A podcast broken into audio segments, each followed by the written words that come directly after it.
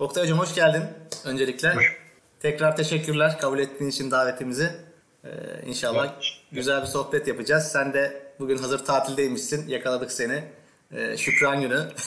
şükran günü. evet, şükran, şükran gününüz kutlu olsun Amerika'da. ee, çünkü saat farkımız var. Yani normalde belki iş çalışıyor olsam bugün yapmamız zor olurdu. Ee, çünkü şu an saat orada kaç? 10. 10 saat. Sabah Sabah 10. Burada akşam 7. Türkiye'de de şu anda akşam 9. Bizi de zaten izleyenlerin büyük çoğunluğunun hani Türkiye'de olduğunu düşünüyorum. Belki başka ülkelerden de vardır tabii izleyenler. Ee, o yüzden hani çok uzatmayalım hemen başlayalım istiyorum. Çünkü eminim hani çok ilgisini çekecek katılanların da senin tecrübelerin. Çünkü senin işte Amerika'dasın orada hem akademik tecrüben var ee, hem iş tecrüben var. İşler de böyle güzel hani hep böyle bizim burada merakımızı cezbeden firmalar işte NASA olsun. Ee, NASA zaten hani herkesin bildiği meşhur kurum. İşte Tesla olsun. Ee, arada çalıştığın başka ilginç projeler de var. Şu anda çalıştığın yer var. hepsini dinlemek istiyoruz. O yüzden hani ben çok uzatmadan girelim istiyorum. Ama biz yine geleneksel olarak hani biraz seni tanımak, biraz da işte lise yıllarından üniversiteye geçişte nasıl bölümünü seçtin, e, ilgi alanların neydi onları da öğrenmek isteriz. Çünkü işte genç arkadaşlara da bir örnek olması açısından e, onlardan başlarsan istersen başlayalım eğitim hayatında. Tamam. Yani ben liseyi e, Vatan Anadolu Lisesi'nde okudum İstanbul'da. Gerçi şu anda okulları değişti, taşınıyor falan diye biliyorum. Ee, lisede ben fen alanındaydım, sayısal bölümündeydim. Ee, yani normal bir öğrenciden farklı olarak bir lise hayatım olmadı açıkçası. Ee, işte lise 1'de 2'de falan biliyorsun üniversite sınavı sitesi falan var. Onlarla uğraşıyorduk falan. Yani bunun dışında e, bilgisayar olan ilgim vardı. İşte bu, bu bahsettiğim yıllar 1999 yılları, 2000. Yani internetin yeni yeni yaygınlaştığı yıllar. Ee, o aralar e, yani öncelikle hedefim üniversite sınavını başarıyla geçmek. Ondan sonra mümkünse bilgisayar, elektrik, elektrik elektronik alanında e, bir bölümde okumak niyetim vardı. E, liseden sonra, üniversite sınavından sonra e, işte dediğim gibi e, tek bir tercih yapmadım, birden fazla tercih yaptım. E, İstanbul Teknik Üniversitesi'nde kontrol mühendisliğin bölümünü kazandım. Lisansı orada başladım. E, kontrol mühendisliğini de daha önceden e, İTÜ'de bilgisayar ve kontrol adı altında bir bölüm okutuluyordu. Ondan, ondan, e, ondan ayrılmış olduğu, olduğu için tercih etmiştim. E, fakat uygulama alanları arasında robotiğin e, açıkça belirtilmiş olması dikkatimi çekti. Dolayısıyla o yüzden e, kontrol mühendisliğine tercihlerim arasında verdim. E, üniversiteye başladıktan sonra birinci sınıfın sonunda e, yani bilgisayar olan ilgimi ötürü e, bilgisayar mühendisliği anadal yapmaya başladım. E, bu aslında benim e, niyetim daha çok ya hangi bölüm okursanız okuyun mezun olduktan sonra yazılım geliştirmek, yazılım geliştirme hakkında bilgi sahibi olmak önemli olacağını düşünüyordum. E, bunun da en kolay, en ucuz yolu işte e, üniversitedeki derslere gitmekti. Zaten bazı dersleri kendi başıma takip ediyordum. Fakat bunu biraz daha böyle e, resimlere dökmek için çift anadal yapmaya başladım. E, ilgi alanlarımı bu e, üniversitede okuduğum birinci, ikinci sınıfta falan yavaş yavaş belirlemeye başladım. E, özellikle kontrol mühendisliği hakkında daha çok bilgi sahibi oldukça e, robotik olsun, e, otonom sistemler olsun bu tarz alanlarda e, ilgimin olduğunu fark ettim. Ve üçüncü ve dördüncü sınıftaki derslerimi de bu alanlara yönelik seçmeye başladı. E, geri dönüp baktığımda yanlış yaptığımı düşünmüyorum bazı konularda. 2006'da kontrol mühendisliğinden mezun oldum. Daha sonra bir sene daha bilgisayar mühendisliğine ilgili dersleri tamamlamak için kaldım de. O sırada işte uçak uzay fakültesi bir hocayla tanıştım. O hocayla beraber otonom sistemler hakkında araştırmalar yapmaya başladık. 2007-2009 arasında İstanbul Teknik Üniversitesi'nde yine savunma teknolojileri üzerine yüksek lisans yaptım. Bu bu dönemde işte otonom sistemlerle ilgili simülasyon, otonom sistemlerle ilgili planlama ve kontrol problemleri üzerinde çalıştım ve birkaç makale yayınladım. O dönemde işte Amerika'ya birkaç kez e, konferansa katılmak için geldim. Buradaki e, araştırmacılarla e, tanışma imkanı sahip oldum. E, daha sonra 2009'da e, Amerika'ya doktora için birden fazla programa başvurdum ve e, Georgetown'de e, doktora yapılan, burslu doktora yapmaya hak kazandım. 2009'dan beri de e, yurt dışında yaşıyorum şu anda. Yani Türkiye'deki e, eğitim hayatım kısaca e, e, bu şekildeydi. Yani ki de e, 7 sene falan kaldım. E, orada kaldığım süre boyunca e, birden fazla alanda bilgi sahibi olmaya çalışıyordum. Bunların bir tanesi iyi bir kontrol bilgisine sahip olmak istiyordum. İkincisi iyi matematik bilmek istiyordum. Üçüncüsü de yazılım yeteneklerimi sürekli güncel tutmaya çalışıyordum. Ee, ve bilgisayar mühendisliği bölümde bana bu konuda bayağı büyük destek sağladı. Ee, birinci Anadolu'nun kontrol mühendisliği zaten kontrolle ilgili çok iyi eğitimler verdiğini düşünüyorum. Ee, geriye kalan o matematik olsun ya da başka alan olsun ama hep kendi e, özel gayretimle halletmeye çalıştım. Ee, özellikle araştırma yaparken e, çoğu şeyi e, okuldan beklemek biraz e, naiflik olur. E, sizi diğer diğer arkadaşlardan ayıran daha çok kendi özel zamanında yaptığınız projeler diye düşünüyorum. Hocam peki yani yüksek lisansı bitirdin, doktoraya Amerika'ya gittin. E, doktora süreci nasıl oldu? Yani o süreç nasıl işliyor? Şimdi Amerika'da hani önce bir araştırmacıyla tanışıp e, on, onunla anlaşıp sonra oranın doktoraya başlıyorsun mesela hoca doktor hocasıyla. Yoksa hani birkaç yere başvurdun oradan sonra kabul aldığın yerle mi devam ettin? Nasıl oldu o süreç? Gerçi benim ya ilk önce ben aslında akademiye yönelme gibi niyetim yoktu. Yani doktor yapma da bilmiyorum niyetim yoktu. Ben üniversiteye ilk başladığım e, birinci senede tek niyetim işte mezun olduktan sonra Türkiye'de işte mühendis olarak çalışmaktı. Bu benim böyle e, ama e, üniversiteye girdim hemen tamamen doktor olacağım falan öyle bir beklentim yoktu. E, genelde e, e, bazı öğrencilerin yüksek motivasyonları oldu birinci sınıftan itibaren işte çap yapacağım, işte şunu yapacağım, bunu yapacağım. Daha sonra zamanla o motivasyon. Ee, yani birinci sınıfların şeyi var böyle, herkes yatağa geçiş yapacak, herkes şey yapacak falan diye bir acı motivasyonlar oluyor falan. Yani benimki biraz zaman içerisinde, benim hedefim biraz zaman içerisinde oluştu.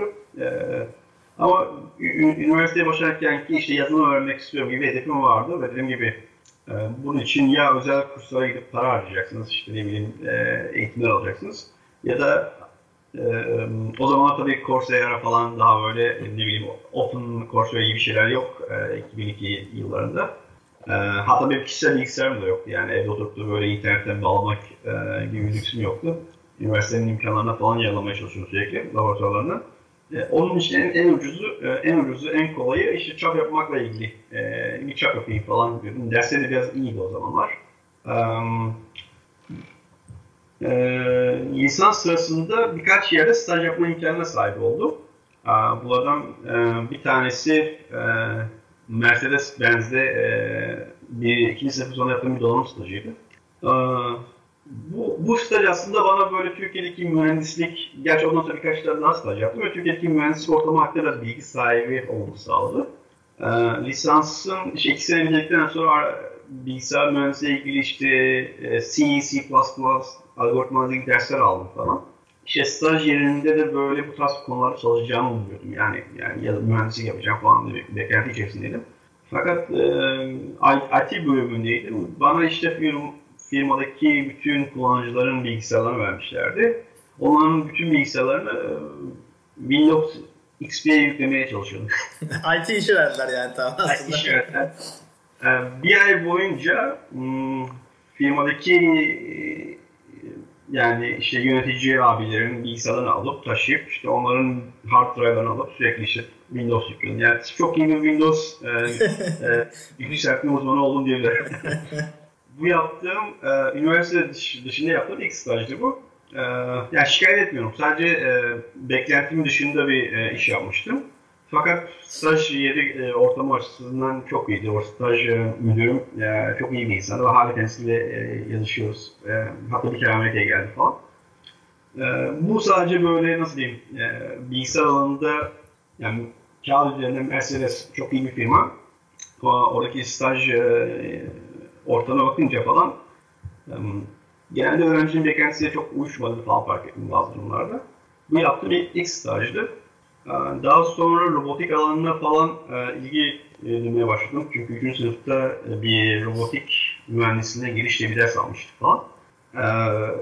Üniversitede dersler çok teorik geliyor ve güzel bir şekilde iyi bir alt eğitimi veriyor. Fakat iş endüstride bir şey yapmaya girince çok farklı ortamlarla karşılaştım. Mesela Üçüncü sınıfın sonunda e, robotik mühendisliğe giriş dersi almıştım. Ve o sırada IEEE'nin düzenlediği kariyer günleri vardı. IEEE kulübünün. E, sektörden çok değerli insanları çağırıyorlardı.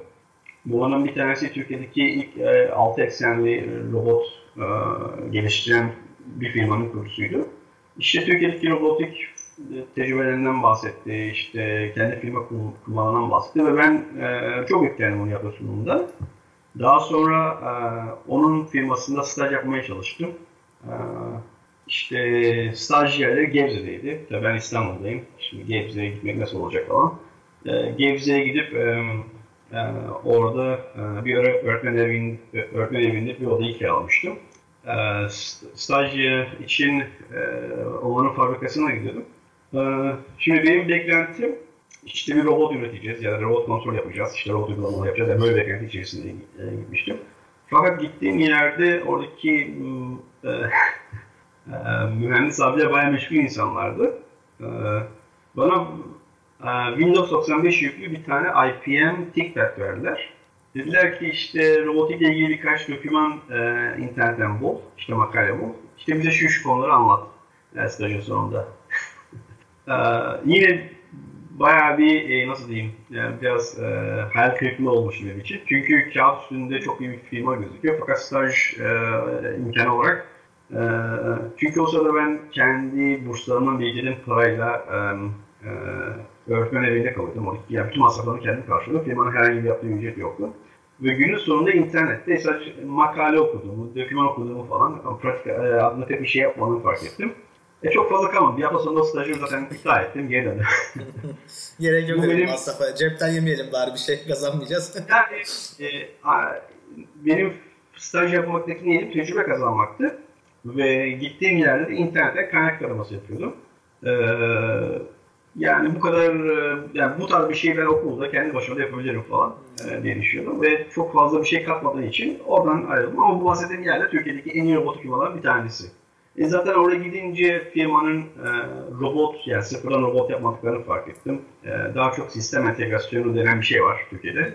Yani e, bazı m, firmalardan işte ne bileyim parçalar alıyorlar, işlemci alıyorlar, PLC alıyorlar, robotlar alıyorlar. Bunları bir şekilde bir üretim batına e, montajını yapıyorlardı.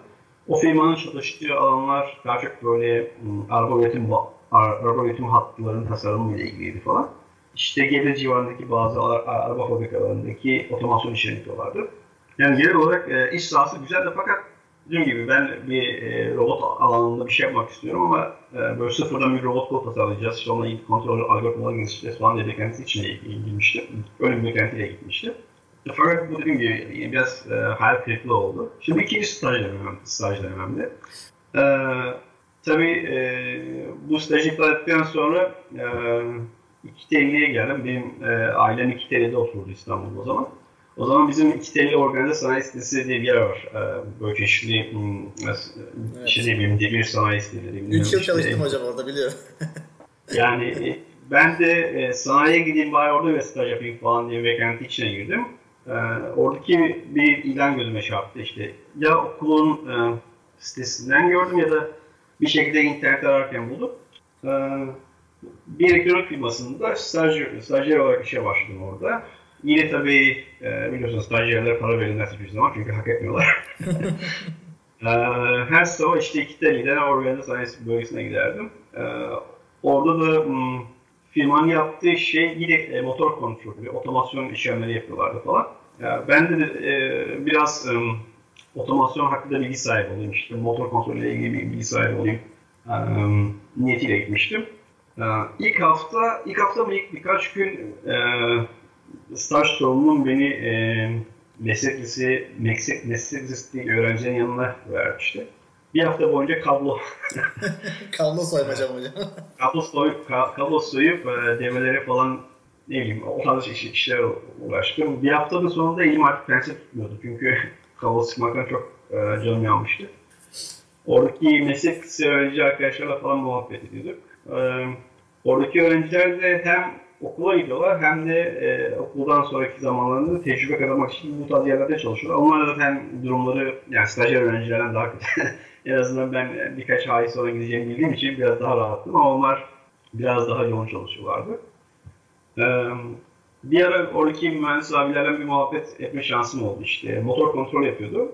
Ee, yani ben odada bir e, PLC vardı elimde. PLC kullanmayı öğren öğrenmeye çalışıyordum. Arkada da bir motor bazen e, motor kontrol yapıyordu mühendis arkadaş. Motor arada bir böyle zıplıyordu. Ya ne bileyim arada bir çok garip sesler çıkartıyordu falan.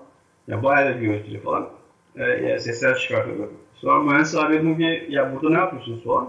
Ya işte motor kontrol yapmaya çalışıyorum. Ee, e, buradaki işte e, PID diye bir şey var. Mesela bunların parametrelerini değiştirince motor e, kontrol, e, hız kontrolünü falan yapıyorsun.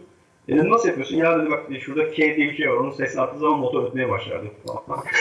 Oradaki PID'nin parametresinde böyle çok garip bir e, yükseklere verdiği zaman motor bulunmaya başlıyor. Dedik bu iyi bir şey değil dedim. Onu biraz, onu biraz e, indirmek lazım. Sonra burada entegral terim vardı. Bunu yaparsan dedi daha yavaş hareket edemez, sürekli hatası olmaz falan. Böyle bakıyordum. E, mühendis abinin yaptığı iş o parametrelere girip bir şekilde hız kontrolü yapmaya çalışıyor. İki tane motor aynı hızda çalıştırmaya çalışıyor falan. Tabii ben e, üniversitede okuyan bir öğrenci olarak yaptık ki model, motorun modelini çıkarsak, işte teorik transfer fonksiyonu bulsak falan filan. Mühendis abi bana baktı, ya dedi piyadenin iyi bir yöntemi yok dedi. Bunu işte dedi, bazen 5 dakikada bulursun, bazen... El, el yordamıyla bulabildiğin süre. El yordamıyla bulursun. Hem dedi o kadar çok bilgin varsa dedi, e, uzay mühendisi olsana falan demişti bana. işte bu da bu, bu, bu cevaptan sonra biraz daha hayal kırıklığına uğradım ve de şey, o stajdan da devam ettim. Yani bir şekilde e, o stajda yani bir hafta, bir hafta mı, 10 gün sonra o firmayı arayıp staj devam etmek istemediğini söyledim. Ee, tabii üniversite dışındaki yerlerdeki bu hayal kırıklığından dolayı ben artık üniversitedeki laboratuvarlara takılmaya başladım. İşte o sırada e, bizim kontrol bölümünde Endüstri Otomasyon Laboratuvarı vardı. Orada Siemens'in PLC'leri vardı. Onun üzerine çalışmaya başladım. Ee, diğer bölümlerdeki laboratuvar çalışma yapan öğrencilerle falan muhabbet etmeye başladım işte. Ee, dediğim gibi e, Türkiye'deki mühendislik ve endüstri ortamını biraz görünce e, dişe dokunan işlerin akademi ortamında yapılacağını düşünmeye başladım. Bu yüzden akademiye doğru e, e, yöneldim. Ee, dediğim gibi 2006'da mezun olduğumda yani e, şeyi de bilmiyordum. Hani yurt dışına başvuru nasıl yapılır? E, A TOEFL diye bir sınav mı varmış falan. yani bilgi seviyem bu seviye, seviyedeydi. İşte 2006'da mezun olduktan sonra e, Uçak Güzel Fakültesi'ndeki bir hocayla tanıştım. E, kendisi Stanford'dan e, doktorasını almış. MIT'de de post doktorasını yapmış bir e, araştırmacıydı. Evet, benim şansıma e, o sene İstanbul Teknik Üniversitesi Uçak Güzel Mühendisliği bölümünde e, yardımcı doçent olarak başlamıştım. Ve o, o, o da öğrenci aradığını söylemişti bana. Güzel bir sinerji yakaladık. İşte onun laboratuvarında çalışmaya başladım 2006-2009 yılları arasında. E, işte laboratuvar e, o zaman şeydi, e, daha yeni kurulduğu için masalarını falan taşıdık. İşte bileyim e, bilgisayar siparişlerini verdik falan. İşte platformları falan aldık. E, işte o o master e, sürecinde elde ettiğim tecrübeler sayesinde yurt dışına gitmek fikri kafamda oluştu. E, hocam da şey diye tavsiye etti. Zaten e, yani ortalaman iyi, e, senin e, özgeçmişini biraz e, adam edersek yurt dışında iyi bir yerden kabul alma şansın var. E, benim niyetimde senin işi doktoraya yurt dışına git, orada iyi bir şeyler yap. Daha sonra belki gelirsen biz her zaman buradayız, beraber çalışırız falan diye tavsiyelerde bulunmuştu. İşte 2006-2009 yılları arasında e, onun laboratuvarında çalışmaya başladım. Kendisi otonomi, insansız hava sistemleri konusunda çok bilgili bir insandı. E, e, özellikle akademik alan çalışırken e, herkes çalışmaya hevesli, herkes teknik bilgisi var ama doğru problemi bulmak çok önemli orada. İyi bir danışmanın görevi de o problemi e, size sunmak. Sağ olsun e, içindeki e, Hocam o konuda çok bilgiliydi. Yani işte bu, bu insansal araçları popüler olacak. Bu demin bahsettiğim 2005-2006 dönemleri. İşte şununla ilgili kontrol algoritmaları öğren, şu yazılımları öğren, işte şu konuda çalış falan. O 2006-2009 yılında işte yaptığım o master e, seviyesinde yaptığım çalışmalarla e, yani 5-6 tane makale yayınladım. İşte o makaleleri amacı yayınlamak, e, sunmak için ABD'ye geldim e, konferanslar için. Orada elde ettiğim e, tecrübeleri işte Amerika'daki araştırmacılarla falan e, paylaşma şansına sahip oldum. İşte e, bu bağlantılar sayesinde 2009'da işte ben e, 15 tane master doktora programına başvurmuştum. yine şansıma 2008'de Amerika'da kriz çıkmıştı. Bu e, mortgage krizi, emlak, emlak krizi ve dolayısıyla iş bulmak çok zor, burs bulmak çok zor. Ben e, o şansımı arttırmak için 15 15'ten programa başvurdum. Yani yarısından zaten red geldi e, şey açısından. Çünkü e, bayağı iyi okullara başvurmuştum. E, kabul edilen bir kısmı ya biz seni doktora kabul ettik ama burs, bursumuz yok falan dediler. E, geride kalan yani 4-5 okuldan hem burs e, yani burslu kabul aldım. Onun arasında da bir tanesi var. Geotek'i seçtim. E, çünkü hocanın çalıştığı konularla benim ilgilendiğim konular bayağı örtüşüyordu. E, daha sonra Ağustos 2009'da Geotek'i doktora yapmaya başladım. Ondan sonra e, buradaki e, sıkıntılarla uğraşmaya devam ettim. E, ama e, doktora benim gitme sebebim bu şekildeydi. Yani daha önce e, üniversiteye başlarken mühendis olayım diye beklenti içerisindeydim. E, yaptığım staj tecrübelerinde Türkiye'deki mühendislik ortamı biraz farklı olduğunu fark ettim. İşte iyi şeyler belki akademide olur falan diye akademik alana gittim. Daha sonra akademiyle ilgili çalışmaların e, ABD'de, Avrupa'da e, yapıldığını fark ettim. Daha sonra işte bu okullara yönelik e, e, başvuru paketlerini oluşturdum. Yani dediğim gibi öncelikli hedefim e, Amerika'ya gitmekti. Çünkü alanında çalışan en iyi profesörler oradaydı. Amerika, yani yurt dışı başvuru yaparken aynı ÖSS'deki üniversite tercihi gibi yapıyorsunuz. Yani ilk önce iyi okulları, ondan sonra orta seviyedeki, ondan sonra açıkta kalmayan şeklinde başvuruyorsunuz. İşte benim e, hedefim de ilk önce Amerika okullara başvuruyorum. Olmazsa Avrupa, olmazsa ta Japonya'ya kadar giderim falan diye bir beklenti içerisindeydim. E, ama dediğim gibi Amerika'daki birkaç okula kabul olunca Amerika'daki okullara gelmeye karar verdim. Hocam şimdi eminim birçok kişi de merak ediyordur şimdi bu soracağım soruyu. E, İngilizce konusunu hocam ne zaman hallettin veya halletmeye başladın diyelim. Hani üniversiteye gelirken liseden bir teban var mıydı? İTÜ'deyken mi ilerlettin? Çünkü bir şekilde hani yüksek lisansta artık dediğin gibi makaleler yazıp onları sunacak kadar hani bir şeye geldiğini söyledin. Ee, hani İngilizce konusu nerede halloldu veya nasıl halloldu? Çünkü eminim en çok merak edilen şeylerden birisidir bu. Öncelikle ben e, İTÜ'deki hazırlık sınavını okumadım. Hazırlık senesini okumadım. Lise Anadolu Lisesi miydi hocam senin zamandaki lise, Anadolu Lisesi değil mi? İTÜ'deki e, hazırlık e, sınıfını okumadım. E, baş, nasıl diyeyim? E, üniversiteden sonra e, zaten sınav yorgunluğu var. İşte bir sene gideyim hazırlık okuyayım, böyle yata yata geçerim sonra başlarım birinci sınıftan itibaren diye bir beklenti içerisinde gitmiştim. Daha, daha sonra e, üniversitenin seviye belirleme sınavı vardı. O, yani dönem başlamadan bir hafta mı ya iki hafta önce seviye belirleme sınavına geçtim. Yani girdim. Ee, geçme notu 60'tı ve 59.5 kadar geçti. 59.5'lar 60. biraz böyle e, biraz planlarım dışında bir gelişme oldu. Bu sefer 3 gün sonra ders tercih edeceksin falan filan oldu. Böyle biraz şaşırdım yani. Hemen birinci sınıftan e, de, e, okumaya başlayınca biraz e, nasıl diyeyim be, be, be, be, beklemiyordum böyle bir şey. Yani İngilizce a, a, tipik Anadolu Lisesi'nin bitirindeki sahip olduğu İngilizce yani. Yani çok fazla bir ne artısı var ne eksisi var. Ki zaten ÖSS, döneminde çalışırken ya işte önce bir sınavı geçerim İngilizce sonra diye bir, bir beklenti vardı bende. Çünkü e, İngilizce dersine gelen hocalarımız da zaten haftada 4 saat ders varsa 2 saatinde bir şeyler anlatırlardı. Geri kalan 2 saatte de sınav sorusu falan çözerdik. Ee, yani böyle bir e, üniversite son senesi tamamen böyle gitmişti. Yani daha çok e, üniversite sınavına yönelik geçmişti. 2006'da dediğim gibi mezun olduktan sonra yurt dışına gitmeye karar verince ya TOEFL'da bir sınav varmış, onu geçmek lazım falan dediler. Ee, yani bir, gireyim bu sınava nasıl bir şeymiş falan diye. Böyle çok fazla hazırlamadan girdim. Orada da böyle çok iyi puan almadığımı fark ettim. Yani, yani yine nasıl diyeyim, e, o üniversitedeki 4 sene boyunca hani 200'deki bazı dersler İngilizce verildiği için oradan bir gelişme olmuş. Ama yine çok beklentimin e, dış, e, altında bir puan aldım. E, sonra o sırada şey oldu. E, TOEFL sınavı e, bilgisayar tabanlı sınavdan internet tabanlı e, şey sisteme geçti. İngilizce İngilizce konuşma bölümü ekledi falan. Yani işler daha çok zorlaştı diyeyim. E, işte o anda ben işte e, üniversiteyi bitirirken o 2006-2009 yıllar arasında e, master yaparken farkında olmadan işte sürekli makale okuduğum için e, sürekli e, nasıl diyeyim e, sunum yaparken İngilizce e, pratik yaptığım için farkında olmadan İngilizcem gelişmiş biraz. E, ama dediğim gibi bunun için e, ekstra bir çaba sarf etmedim. Sadece e, master süresi boyunca sürekli e, makale okuduğum için ve çok makale İngilizce olduğu için e, makaleyi anlamadığım için sürekli işte bu kelimenin anlamı geliyor, işte bu burada ne demek istemiş falan onlarla kafa yorduğum için yani biraz nasıl diyeyim İngilizce ihtiyaç duyduğum için İngilizce sürekli kullandığım için e, orada TOEFL sınavı tekrar gelince iyi puan aldım.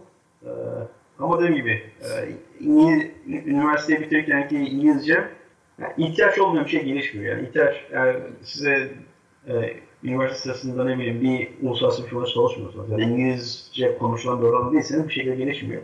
Ama bizim alanımız biraz bilgisayar olduğu için ve çok kaynaklar İngilizce olduğu için mecburen zaten biz İngilizce kaynakları takip etmek zorundayız. E, bu kaynakları, bu makale okuya okuya zaman içerisinde geçiyor ama bir günde olan bir şey değil o genelde. E, sürekli olarak e, İngilizce dersleri takip etmek lazım. Sürekli olarak e, İngilizce makale okumak lazım. Çünkü orada anlamadığın şeyler olunca onları tekrar e, almak için e, e, sözlüğe bakıyorsunuz. İşte orada kelimeleri not ediyorsunuz. Ve zamanla bu bir şekilde kelime dağarcılığını geliştiriyor. Anlamanızı geliştiriyor, okuduğunuz anlamanızı geliştiriyor. Ve sınavı da zaten nihayetinde dinleme, yazma, okuma, e, konuşma ile ilgili kısımlar. Yani bunlar zaten yüksek lisans sırasında zaten e, aktif olarak yapıyorsanız o sınavdan da yüksek puan alabiliyorsunuz yani. Ama dediğim gibi e, eğer e, İngilizce ihtiyaç duymayan bir çalışıyorsanız ve bir meşgaleniz varsa bu gelişmiyor. Tamamen yaptığınız işin sizi İngilizce öğrenmeye zorlaması lazım bir şekilde. E, ve bir günde olacak bir şey değil. Bayağı uzun bir süre yani gelişmesi gereken bir şey bu aslında. Evet, kullanmadan, ihtiyaç duymadan gelişmiyor tabii ki. Yani e, üniversiteden mesela aldığımız dersler de var. Mesela ben güç elektronik dersi aldım. Yani 1, 2, 3 falan. Şu anda mesela hiçbir şey kullanmıyorum. Büyük bir ihtimalle yani dersi ailen alıp geçtik ama şu anda e, onunla ilgili ne bileyim işte MOSFET nasıl bağlanır falan diye sorarsanız çok fazla yani bilgim yok. Çünkü e, o bilgiyi öğreniyorsun. E, üzerinden zaman geçiyor. Unutuyorsun. Kullanmıyorsun. Kullanmadığın, pratik yapmadığın her bilgiyi unutmaya mahkumdur. O yüzden e, öğrenmek istediğimiz ve e, başarılı olmak istediğimiz konuları mutlaka mutlaka pratik yapmamız lazım genel olarak. Her şey için yani, geçerli. Evet. Her şey için yani genel olarak. E, bu işi yaptım artık ben oldum dediğiniz ve kendinizi işte eğitmediğiniz, geçtiğiniz sürece o öğrendiğiniz şeyleri unutmaya mahkum.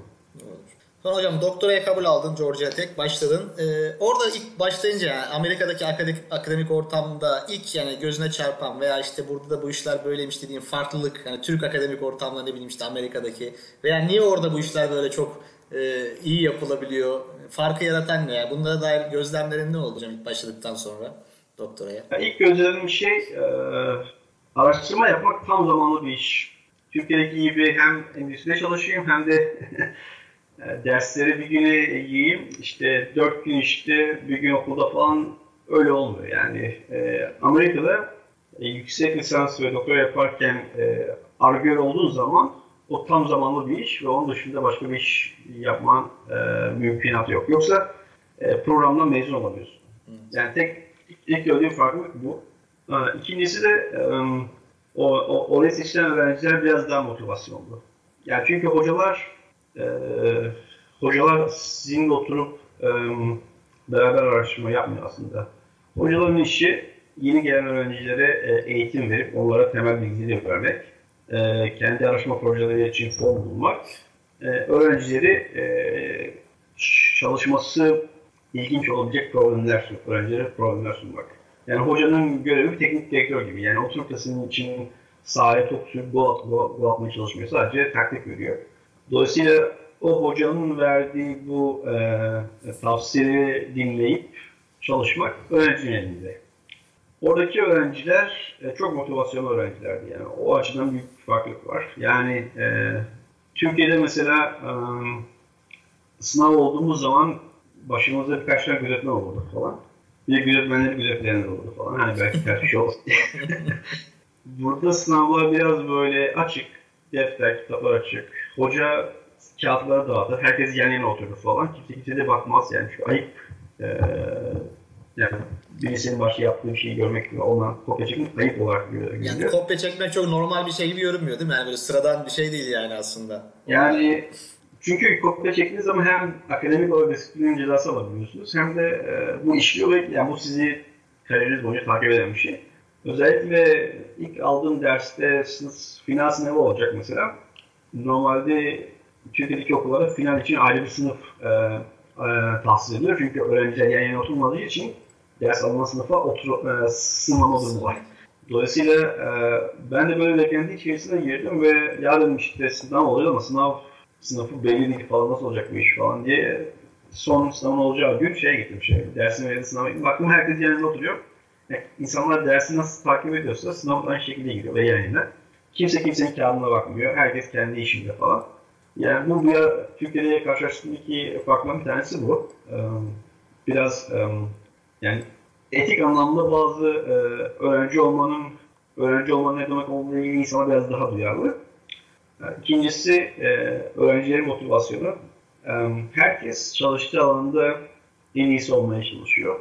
Ve bunun için haftada iki saatlik dersin üzerine yani ekstradan bir çaba koymaya çalışıyorlar. Yani kimse okulda aldığı derslerle yetinmiyor. Herkes ders sonrasında alıştırmalar yapıyor ve bunların herhangi böyle bir şey zorunluluğu yok yani. Senin haftada işte 5 saat, 6 saat laboratuvar bulma zorunluluğu yok. İnsanlar kendi isteğiyle geliyor ve e, çünkü e, okulda öğrenmek için gidiyorsunuz ve okulda bulunduğunuz zaman işte 4 sene bulacaksınız, 5 sene bulacaksınız. Bu zamanda ne kadar bilgi öğrenirsiniz, ne kadar bağlantı kurarsanız o kadar iyi. O zaman değerlendirmeye çalışıyorlar. Yani ortamda çok fazla bir zorlama yok. Ee, diğer bir şey, Türkiye'deki mesela e, A kitabından bir konuyu öğrenmeye çalışırken o A kitabın yazarını burada derse görebiliyorsunuz. Bu en büyük avantajlardan bir tanesi. E, makalelerini, derslerini, e, şey, videolarını gördüm, işte, e, makalelerini okudum, kitapları okuduğum insanların burada ders verdiğini gö e, gördüm. O da büyük bir öğrenci motivasyon kaynağı sağlıyor bence. Yani Türkiye'deki farklı yapılardan bir tanesi bu bence. Çünkü çok iyi hocalar burada. Ee, ve bu insanlar e, o bahsedilen konularda bayağı derinlemesine bilgi sahibiler. Hatta trendleri belirleyen insanlar. İşte kontrolle ilgili e, o arkadaşın yaptığı çalışmalar mesela yeni bir e, alan açıyor mesela. O alan öncü. Ee, yani burada yeni bir araştırma yapıp yeni bir konu belirlendikten sonra işte bu yayın için konferanslara gidiyor. Sonra bu yayından Türkiye'deki araştırmacılara gidip öğreniyor. Daha sonra Türkiye'ye gidiyor falan. Yani Türkiye'de çoğu zaman bir konuda çalıştığım zaman yani ben o konuyu ilk defa duyduğum zaman o konuyu çalışan adamlar o konuyu bırakıp başka adamlara girmiş oluyorlardı. Dolayısıyla e, yeni yani e, araştırma gelişimiyle ilgili yeni konseptler çıkıp bunlar yayınlanıp diğer dünyanın diğer tarafında yayın e, duyulmaya başladığı zaman o konuyla ilgili zaten e, yayın yapan yapmış oluyor, o konuyla ilgili araştırmasını bitirmiş oluyor. Yani Türkiye'de biraz, Türkiye'de demeyeyim biraz Asya'daki e, araştırmacılar da ben onu görüyorum. Mesela e, çok popüler olan bazı konular, iş yönetimi popüler olan konular, bazı araştırmacılar aynı konularda hala çalışmalar yaptığını fark ediyorum ama onunla ilgili yapılan çalışma bitmiş oluyor genelde. Dolayısıyla burası e, yenilikçi bir şeyler yapmak için e, uygun yerlerden bir tanesi. E, Türkiye'de o biraz eksikti sanki. Genelde işte burada bir şeyler yapılacak. Sonra o o yapılan şeyin e, ticari olduğu, ne bileyim gelir getirmeye yüksek potansiyel olduğu belirlenecek. Ondan sonra Türkiye'deki insanlar e, bu konuya yavaş yavaş giriş yapacak. Ama dediğim gibi bu seviyeye geçtikten sonra en az 3-4 senelik bir geri, geriden gelme bir e, olayı var. Yani bazı alanlarda çok daha kötü mesela, daha daha geride. E, Coğrafyadaki doktor ortamı bu yani üç aşağı beş yukarı bu şekilde. Ama dediğim gibi dersler, derslerde okulan kaynaklar aynı. Derslerde e, anlatılan matematik yine aynı. Tamamen e, olay e, e, üç, üç, üç oyuncu etrafında dönüyor. Bunlardan bir tanesi üniversite. Üniversite hem hocanın hem öğrencinin e, işini kolaylaştırmak için orada bir kurum. Yani bilgisayar bir laboratuvara bir e, ne bileyim e, alet edevat mı alınacak? Üniversite bunun için gerekli olan e, lojistiği sağlıyor. Yani senin daha iyi araştırma yapıcı gerekli olan bütün altyapıyı sağlamaya çalışıyor. Yani sen işte ne bileyim yeni bir sistem alacağın zaman yok bu olmaz falan diye bir köstek olmuyor ya da bir kurallar yasak hem şey falan bir şey yok. Yani bir şekilde e, problemi çözmeye yönelik, yönelik bir şeyler yapmaya çalışıyor. Yani üniversitenin idare kısmından bahsediyorum. E, diğeri e, hocalar. Hocalar alanında çok iyi e, insanlar ve konuyu çok iyi bilen insanlar. Ve bu hocalar üniversitede başarılı olduğu sürece kalabiliyorlar. Çünkü e, Amerika'da biliyorsunuz denen bir sistem var. E, birisi yardımcı doçent olarak başladıktan sonra 5-6 sene boyunca araştırma yapmaya çalışıyor, çok çalışıyor. E, ve onun yaptığı çalışmalar bir komite tarafından değerlendiriliyor. Eğer komite hocanın yaptığı çalışmaları iyi beğenmezse o hocadan e, bölümden ayrılmasını isteyebiliyor.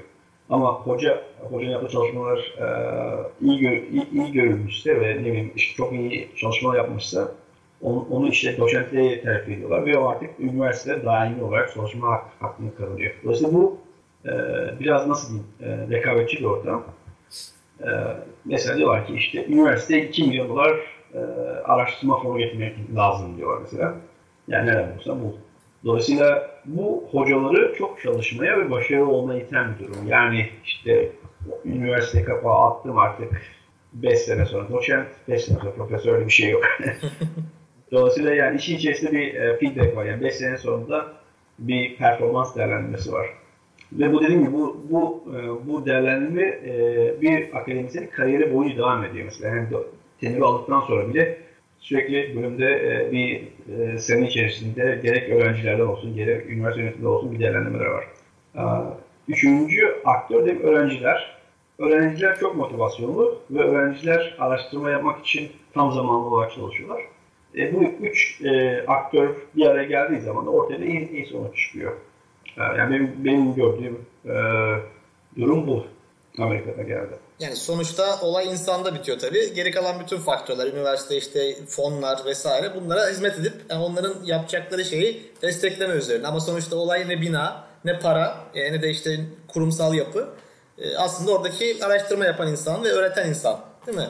Yani dediğim gibi e, araştırma yaparken en az seviyedekiler öğrenciler. Öğrenciler biraz e, işin en e, zahmetli işlerini yapıyorlar. Ama öğrenciler memnun olması lazım ki, öğrencilerin motivasyon olması lazım ki bir şey yapabilsinler. Hocalar onları daha çok e, rehberlik etmeye yönelik. E tabi bu öğrenci ve hoca bir binanın içerisinde olması lazım, bir organizasyonun içerisinde olması lazım.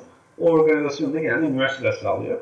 E, başarılı bir ortam için bu üçünün de aynı anda olmuş olması lazım. Yani üniversite iyi, öğrenciler kötü olmuyor. Üniversite iyi, hocalar kötü yine olmuyor falan. Yani bu üçünün de... Hepsinin bir arada olması lazım. Hepsinin bir arada olması lazım. Mesela yani hocam sen de söyledin hani aynı matematiği gösteriyorlar orada da. Hani böyle bir şey oluyor bize Türkiye'deyken. Ya işte bu adamlar bir sürü şey yapıyorlar bu kadar. Acaba bunlara bize öğretilmeyen bir şeyler mi öğretiliyor? Hani biz lineerce bir görüyoruz ama bunlara daha gizli böyle başka bir lineerce bir mi gösteriyorlar? Veya biz kontrol teorisinde biz de görüyoruz belki burada ama hani onlara sanki farklı şeyler gösteriyorlar da onlar farklı işler yapıyorlar gibi bir hava olabiliyor. Ama diyorsun ki aynı dersler gösteriliyor. Yani sonuçta matematik değişmiyor. Her yerde aynı bu.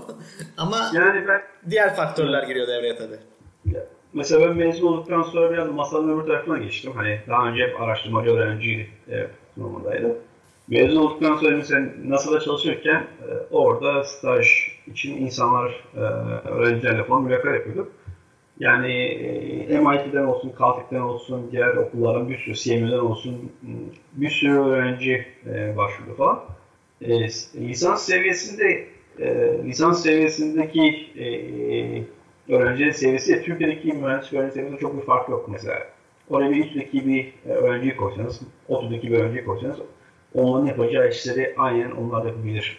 Yani ben Türkiye'deki e, lisans seviyesinde, yani Türkiye'nin önde gelen okullarındaki lisans seviyesindeki eğitimlerin çok geride olduğunu düşünmüyorum.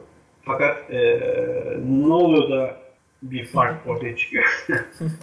e, fark tamamen dediğim gibi e, lisanstan sonra e, master ve doktor yaparken dediğim gibi bahsettiğim o akademik o üç, üç, e, üç e, koşulun aynı olması gerekiyor.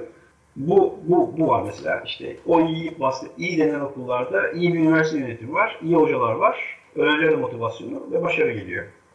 Ee, peki e, akademiye gitmeyenler ne oluyor mesela? Yani mesela e, akademi dışına kaldığımız zaman mesela lisansı bitirip ya da ne bileyim master doktor aldıktan sonra endüstride çalışan insanlar mı oluyor mesela? Ee, buradaki endüstrideki köklü firmalar da iyi bir eğitim kurumu olarak görev yapıyor. Çünkü e, siz bir firmada işe başladığınız zaman hemen o firmanın istediği bir e, profilde bir mühendis olmuyorsunuz. Yani siz daha böyle yeni okulda mezun olsunuz. Dolayısıyla o şirket içi e, eğitim kültürü var. Onlar sizi kendi kurumlarının e, kişiliğine, kendi kurumlarının kültürüne uygun bir mühendis haline getirmeye çalışıyor. Yani siz 10 sene gidip bir Apple'da çalıştığınız zaman bir Apple mühendisi oluyorsunuz aslında. Apple'dan mezun oluyorsunuz aslında. Yani. Dolayısıyla fark e, buradan açılıyor. Hem e, üniversite, e, eğer akademik alanda kalacaksanız üniversite ortamında dediğim gibi üniversite yönetimi iyi, hocalar iyi ve bunlar öğrenciyi iyi bir şekilde yetiştiriyor. Yok e, akademi değil de endüstriye gitmek isterseniz bu sefer endüstrideki Google, işte Apple'dır, Tesla'dır, ya da ne bileyim işte Microsoft'tur, bunlar Nvidia'dır. Ki bunlar değil mi? Her biri neredeyse kendi hizmet verdiği alanın öncü kurumlarından bir tanesi. Ve onlar yeni mezun bir mühendisi alıp kendi kurumlarındaki e, çalışma kültürüne uygun hale getiren bir e, sistemden geçiyorlar ve eğitimden geçiyorlar. E, yani kurumlar arasında da bu, bu kültür farklı var. Ama dediğim gibi e, e, uzunca süre bu firmalar çalıştıktan sonra aslında sektörde sektördeki önüne gelen mühendislerden bir tanesi oluyorsunuz. Çünkü orada size nasıl yazılım geliştirilir ilgili bilgi veriyorlar, e, nasıl proje yönetilir, nasıl ürün tasarım yapılır falan. Ve bunlar e, yazılı olan, kitaplar olan şeyler değil. Tamamen o firmanın e, kültüründe, o firmanın içerisinde e, olan şeyler. E, bunlar daha çok oradaki işte kıdemli mühendislerin hafızalarında, iş tecrübelerinde olan şeyler. Ve onlar sürekli yeni gelen mühendislere bu tecrübeyi zamanla aktarıyorlar. Daha sonra kendilerini... Bir usta-çırak ilişkisi var diyebiliriz yani aslında değil mi? Nasıl? Bir usta-çırak ilişkisi gibi bir yapı var diyebiliriz yani bir şekilde. Yani akademideki e, e akademik ortam da bir usta-çırak. Çünkü hocanız e, da bir zamanlar e, araştırma görevlisiydi. Orada bir usta-çırak ilişkisi var. Endüstriye gittiğiniz zaman da sizin bu sefer proje yöneticiniz var. E, mentorunuz var. Onlar sizi kariyerinizde nasıl ilerlemeniz gerektiğiyle ilgili bir öğrenim yapıyor. Ve zamanla firmadaki e, o toplantılara katılarak size yavaş yavaş firma kültürü nasıl işi hakkında e, bilgi sahibi olursunuz. Ama dediğim gibi bu firmalar mesela Microsoft mesela işletim sistemi yazmış değil mi zamanında mesela? Yani bu firmaların normal AB firmasına farklı içinde bulundukları alanı oluşturan firmalar. Mesela Skorski'ye giderseniz e, helikopter konseptini ortaya çıkaran firmadır kendisi. Orada çok iyi bir yani helikopter yapma üzerinde çok iyi bir yani geçmişten günümüze kadar bütün tecrübeyi falan imkanlarına faydalanma şansına sahipsiniz. Dolayısıyla lisanstan yeni mezun olan bir mühendis adayı hem akademiye hem endüstriye gittiği zaman oradaki eğitime devam ediyor. Bir şekilde orada bir nasıl diyeyim ar verme olmuyor. Yani insanlar lisanstan mezun olduktan sonra satış mühendisliği yapmıyorlar burada. Sürekli mühendisliğe ilgili projede katılıp e, araştırmaya, geliştirmeye devam ediyorlar bir şekilde. Sonuçta ihtiyaç da fazla. Sonuçta bu firmaların da çok fazla mühendise ihtiyaçları var. Hatta tür ülkedeki kaynak yetmeyince değil mi? İşte yurt dışından gelenlerle işte H1 vizeleri vesaire e, onunla kapatılmaya çalışılıyor. Şu anki durumu bilmiyorum tabii şu an son dönemde nasıl ama Hani Avrupa'da gördüğüm şu an büyük bir açık var mühendislik alanında yani. Hollanda için konuşursak işte Almanya için vesaire. Amerika'da şu an güncel durum nasıl? Onu nasıl görüyorsun yani? Bir de Trump'la yani, beraber bazı şeyler biraz zorlaştı galiba. H1'ları biraz azaltmaya çalışıyordu en son. Yani çok fazla o a, vizeyle ilgili süreçleri bilmiyorum. Yani şey, bunlar zaten internetteki hükümetin kendi web sayfasından bulunabilecek şeyler. Ama iş bakım açısından şu anda Silikon Vadisi'nde bayağı bir e, yazılımcı ihtiyacı var. Ve özellikle makine öğrenmesi, yapay zeka, otonom sistemler konusunda hele ki otonom sistem, e, oto, sürümsüz araçlar konusunda yani milyarlarca dolar para e, dönüyor bu sektörde. E, otonom sürüş yapabilecek bu kalifedeki elemanlar olmadığı için yani, yani sonuçta üniversite sayısı belli, mezun olan öğrenci sayısı belli ve bu alanda hiç e, yetişmiş eleman az olduğu için bu sefer diğer alanlarda uzun yıllar çalışmış insanlar da bu alana girmeye çalışıyor falan. Orada da bir, bir rekabet var. Ama genel olarak e, iş ve imkanı açısından baya baya şey hmm, e, güzel bir dönemden geçiyor diyebilirim. Özellikle yapay zeka olsun, makine öğrenmesi olsun, robotik, e, otonom sistemler, işte robotlar falan bu, bu alanlarda çok büyük e, nasıl diyeyim, e, cebine 2-3 milyon dolar koyan bir tane startup açıyor Hocam şöyle bir şey var mıydı? Orada öyle bir muhabbetler yapılır ya işte bir yerde hani bir, birine çarpıyorsun Silikon Vadisi o taraflarda. Yani çarptığın adam işte yatırımcı çıkıyor veya işte girişimci çıkıyor bir şey çıkıyor yani çekiyor. yani genelde e, buradaki e, e, kahvecilerde olur genelde. Kafeler yani, değil mi? İş bağlanan yerler böyle kafeler. yani, siz böyle sadece bir kahvenizi alayım, bir içeyim girersiniz. Orada bir konuşma muhabbetine falan kulak kabartsın. İşte bir milyon dolarım var, işte şunu yapamıyorum. Her, her taraftan böyle bir e, nasıl diyeyim e, iş, iş kurmayla ilgili e, şeyler var. Ama bunda şey e, şey tarafı da var biraz e, nasıl diyeyim e, e, bilmediğini bilmeyen çok adam var burada. Evet az bildiğini çok gören olabilir. evet, evet. Yani e, bir şekilde bir konu hakkında az bilgi sahibi olunca aklınıza gelen bir şeyin çok böyle e, süper fikir olduğunu düşünüyorsunuz. Köşeye dönüyoruz. Yırttık. o, o fikriyle beraber çalışacağınız insanlar aramaya çalışıyorsunuz. Çünkü LinkedIn'den sürekli mesajlar geliyor falan. İşte şu işi kuralım, bu işi kuralım falan diye. Yani çoğu böyle nasıl diyeyim teknik anlamda yani her birinin e, üniversite derecesi var işte falan ama e, biraz telef biraz telefonda konuşunca ya ben daha önce proje çalıştım, şu şu sorunlarla karşılaşmıştık falan filan. Tek istediğim gitmemişti falan. Benim bahsettiğim problemleri onlar mesela daha farkında değiller yani. O yüzden şey var. Ee, çok fazla para var bu e, otonom sistemler alanında ama bu alanda çok fazla yani ben yazılım biliyorum, otonom da bilirim yani ne fark ne fark eder diye alana girip kodu yazıyoruz gidiyor araba sonuçta. evet, o tarz insanlar da var. O yüzden e, biraz dikkatli olmak lazım bu iş iş iş, iş e, seçim yaparken. Bir de dediğim gibi de Türkiye'den e, sürekli şey e, yani gençler sürekli abi bir proje fikrim var bir yardımcı olsan Elon Musk'a göndersen falan diye e, mesajlar atıyorlar falan. Yani bu da biraz garip geliyor bana. Ee, ya artık böyle nasıl diyeyim şu e, erkek enerji diye bir şey var herhalde. Yani sınırsız enerji falan. O, o, o zaten hocam o meşhur şeyimiz ya. Her sene bizde de bir haber çıkar böyle ülkede, memlekette. İşte evini 2 liraya ısıtan adam haberi. Bir de e, suyla çalışan araba yapmış olan arkadaşlar çıkıyor bir devamlı. Yani arkadaşlar bu pil teknolojisi bir şey yapıyor falan bir proje önerisi falan Elon Musk'ın adresini istiyorlar.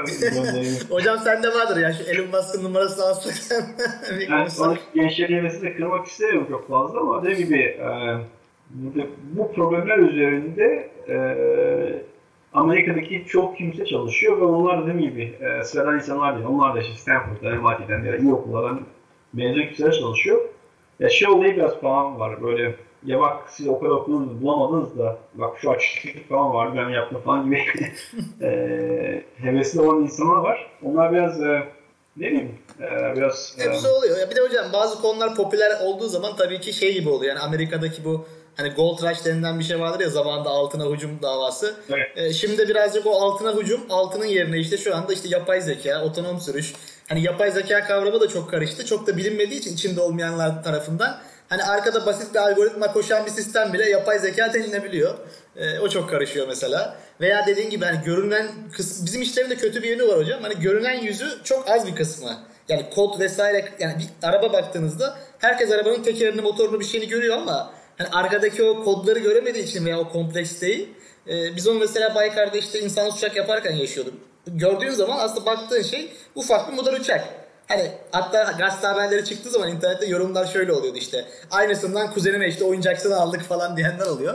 Sonuçta tabii Ama otopilot teknolojisini anlatmak çok zor yani. Nasıl anlatacaksın? Genelde e, yani mesela ben e, dronelar üzerine çalıştım. E, e, otonom araçlar üzerine çalıştım. Mars rover üzerinde çalıştım. Helikopter üzerinde çalıştım. Hani bunlar mekanik olarak çok farklı sistemler gözükse bile iş otonomi yazılımı geliştirmeye geldiği zaman hemen hemen hepsinin aynı şeyleri var. E, yapısı var, benzerlikleri var. İşte ne bir konsolcu var, planlama, planlama e, yazılımı var. Onun üstünde görev planlaması var. Onun üzerine ne bileyim işte yanında işte e, e perception ile ilgili işte kavram fitesini yapan kısmı da var. Yani bu yazılım kısmı biraz uygulamanın bağımsız olarak geliştirilebiliyor. E, yani küçük bir e, çizgi izleyen robot yapmak ile Tesla'daki sürücüsüz araç yapmak arasında otopilot aslında bir fark yok aslında. Tesla'daki de kamera görüntüsünü alıp e, şehri takip yapıyor. Çizgi izleyen robot da başka sensörler kullanıp e, çizgiyi bulup onu takip etmeye çalışıyor.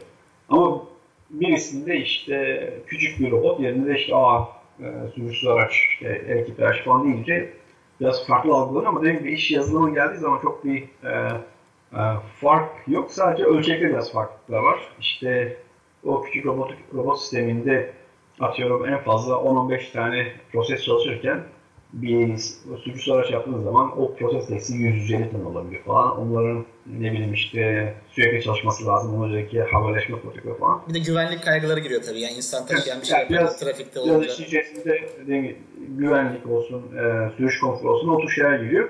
Dolayısıyla dediğim gibi özünde çok fazla bir farklılıklar yok. Yani robotik robotlar için otonom e, yazılım geliştirme mimarisinde yapısında çok büyük farklar yok. Sadece dediğim gibi e, sistem biraz daha komplike olduğu için çok daha fazla kod miktarı var. E, ama dediğim gibi işin iş, özünde bir fark yok. E, Hocam yavaştan istersen şeyde geçelim. Akademik hayatı hani doktorayı ne kadar sürdü doktorayı tamamlaman? 6 sene sürdü. 6 sene doktora sürdü. Doktora boyunca çalışmadın başka bir işte zaten full, full time doktora yaptın galiba değil mi? Ee, yoksa doktora bitmez zaten de. başka işte.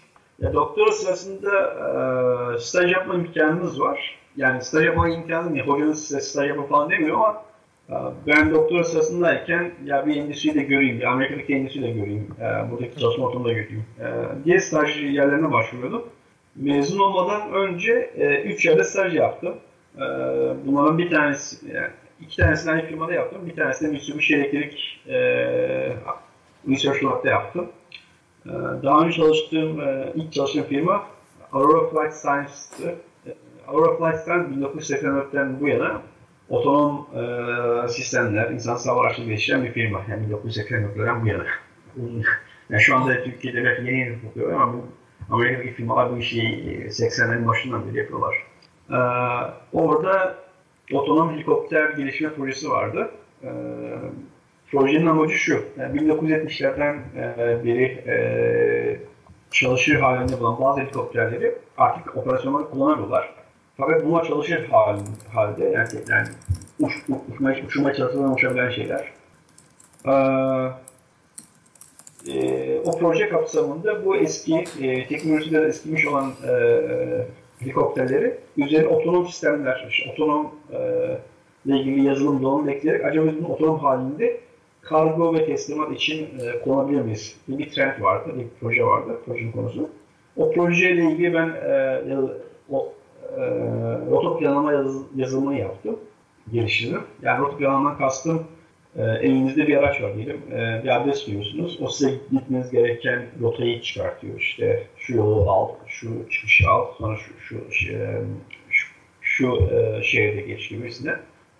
Şimdi bu e, yer araçlarında bu iki boyutlu bir problem. Yani yol, elinizde e, yolları birbirine bağlayan bir e, network var. Onun üzerine bir arama yapıyorsunuz. E, helikopterler için durum biraz daha farklı. Bu üç boyutlu olması lazım. Artı helikopterlerin çok daha fazla e, kısıtları var. Mesela helikopterler çok hızlı yükselemez, çok hızlı dönemez. E, e, elinizde şey arazi profili var arazi profilini sürekli üstünde okumak zorundasınız.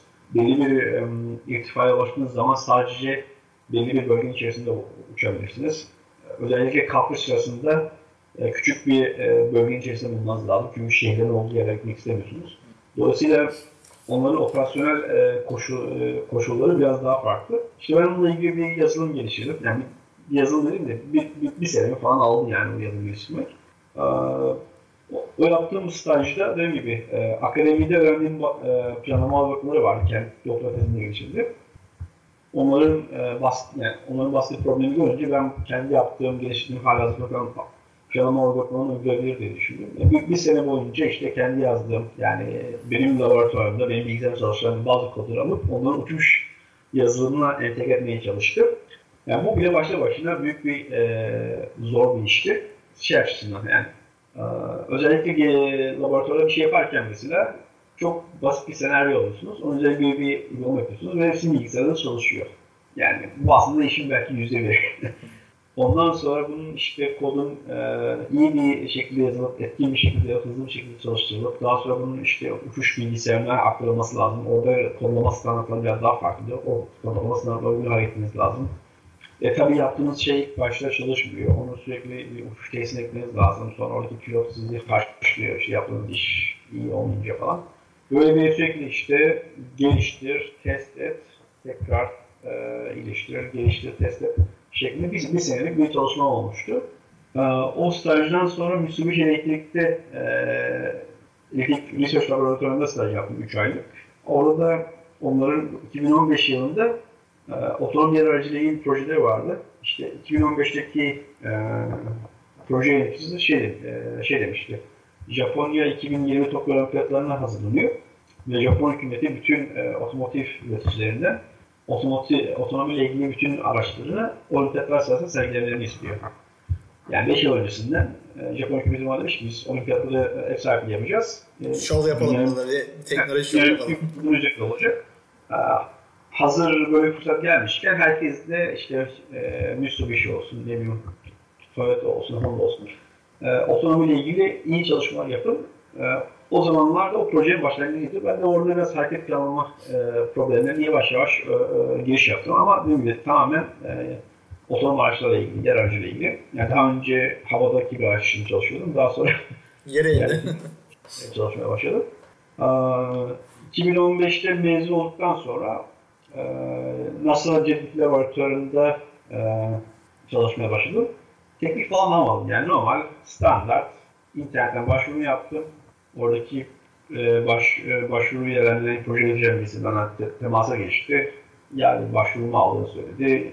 Birkaç gün içerisinde beğendikleri adamlarla tekrar görüşeceklerini söylediler. Daha sonra telefon görüşmesi oldu, bilmem ne oldu falan. Ee, Genetik laboratuvarda çalışmaya başladım. O zaman Boston'daydım. Daha sonra dediğim gibi çalışmak için Los Angeles'a taşındım. Ee, o, orada iki sene çalıştım. Ee, oradaki projeler biraz daha böyle farklıydı. Bazen bir e, drone vardı, bazen bir rol vardı, bazen bir e, uydu sistemi falan vardı.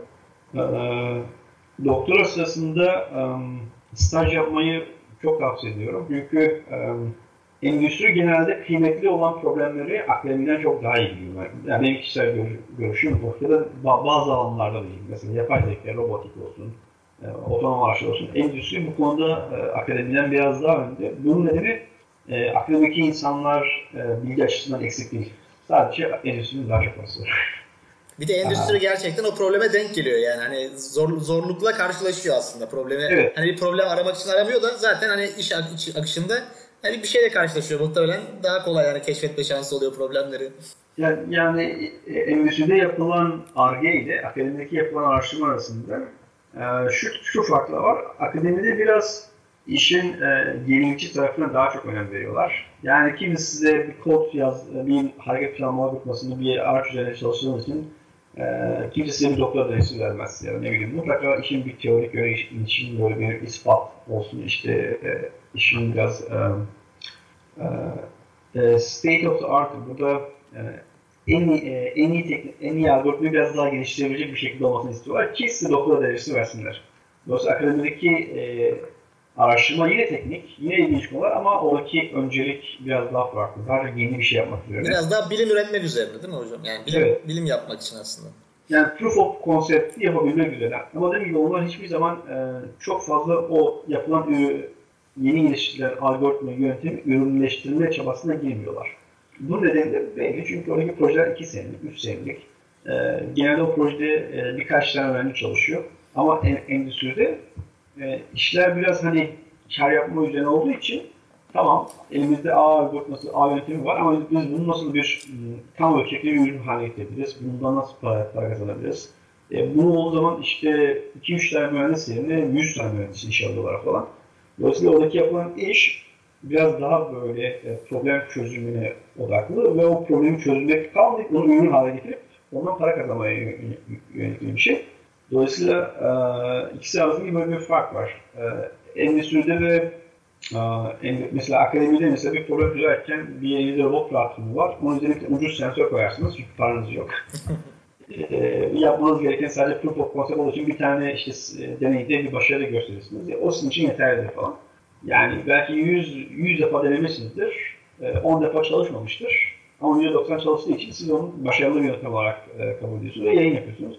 Ama endüstride o işin %99'un çalışması olduğu için ya bu sensörü çıkartalım yerine başka bir sensör alalım. İşte ne kadar biraz daha pahalı. Yedek yok yani, yani e, sıkıntı yok. Para, para ödeyip e, o sensör olarak. Akademide biraz yok. Yani biraz işin mali kısmı biraz daha yüksek olduğu için. Yani e, bir otonom aracı üzerinde zaten LiDAR denen bir sensör var.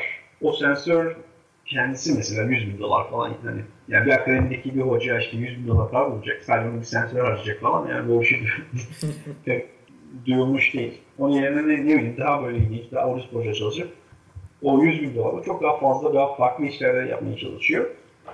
Endüstri akademi arasındaki temel farklar bir tanesi de bu dediğim gibi. Birisi e, endüstri ürünü geliştirmeye, ürünü iyileştirmeye yönelik çok çaba e, sarf ederken akademi biraz proof of concept'i yaptıktan sonra başka bir probleme geçiyor.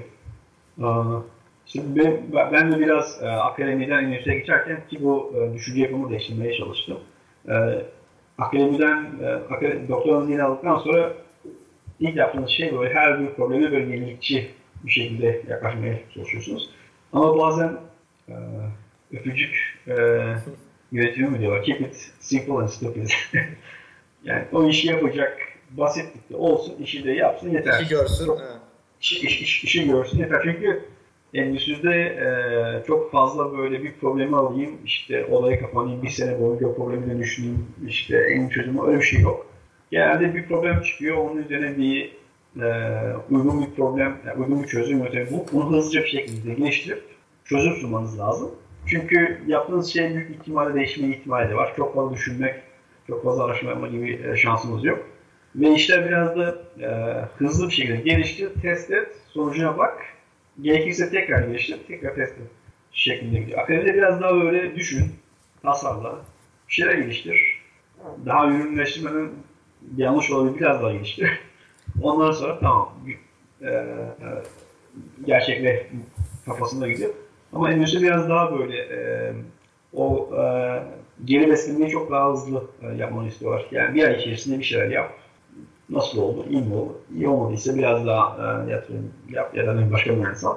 Çünkü endüstrideki çoğu şey biraz zaman ve parayla dayalı olduğu için. Yani motivasyonlar farklı tabii ki dünyanın motivasyonları. Bilim yani. yapmak birinin motivasyonu. Diğeri biraz kar etmek tabii var işin ucunda. Mecburen yani hayatta kalması için.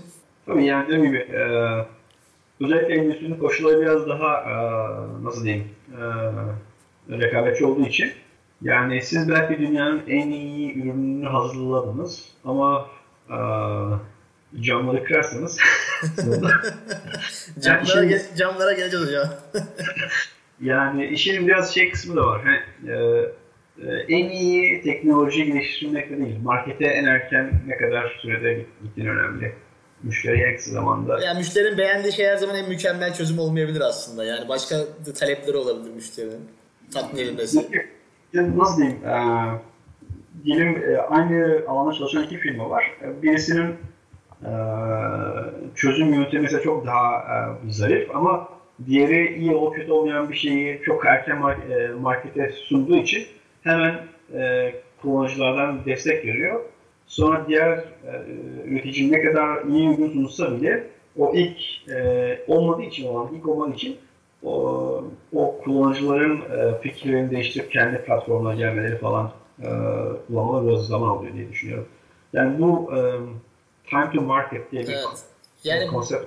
Burada şey diyebiliriz belki yani bilimde başarıyla ticari başarı anlamına gelmeyebilir. Yani bilimsel bir başarı oradaki ticarileştirilen.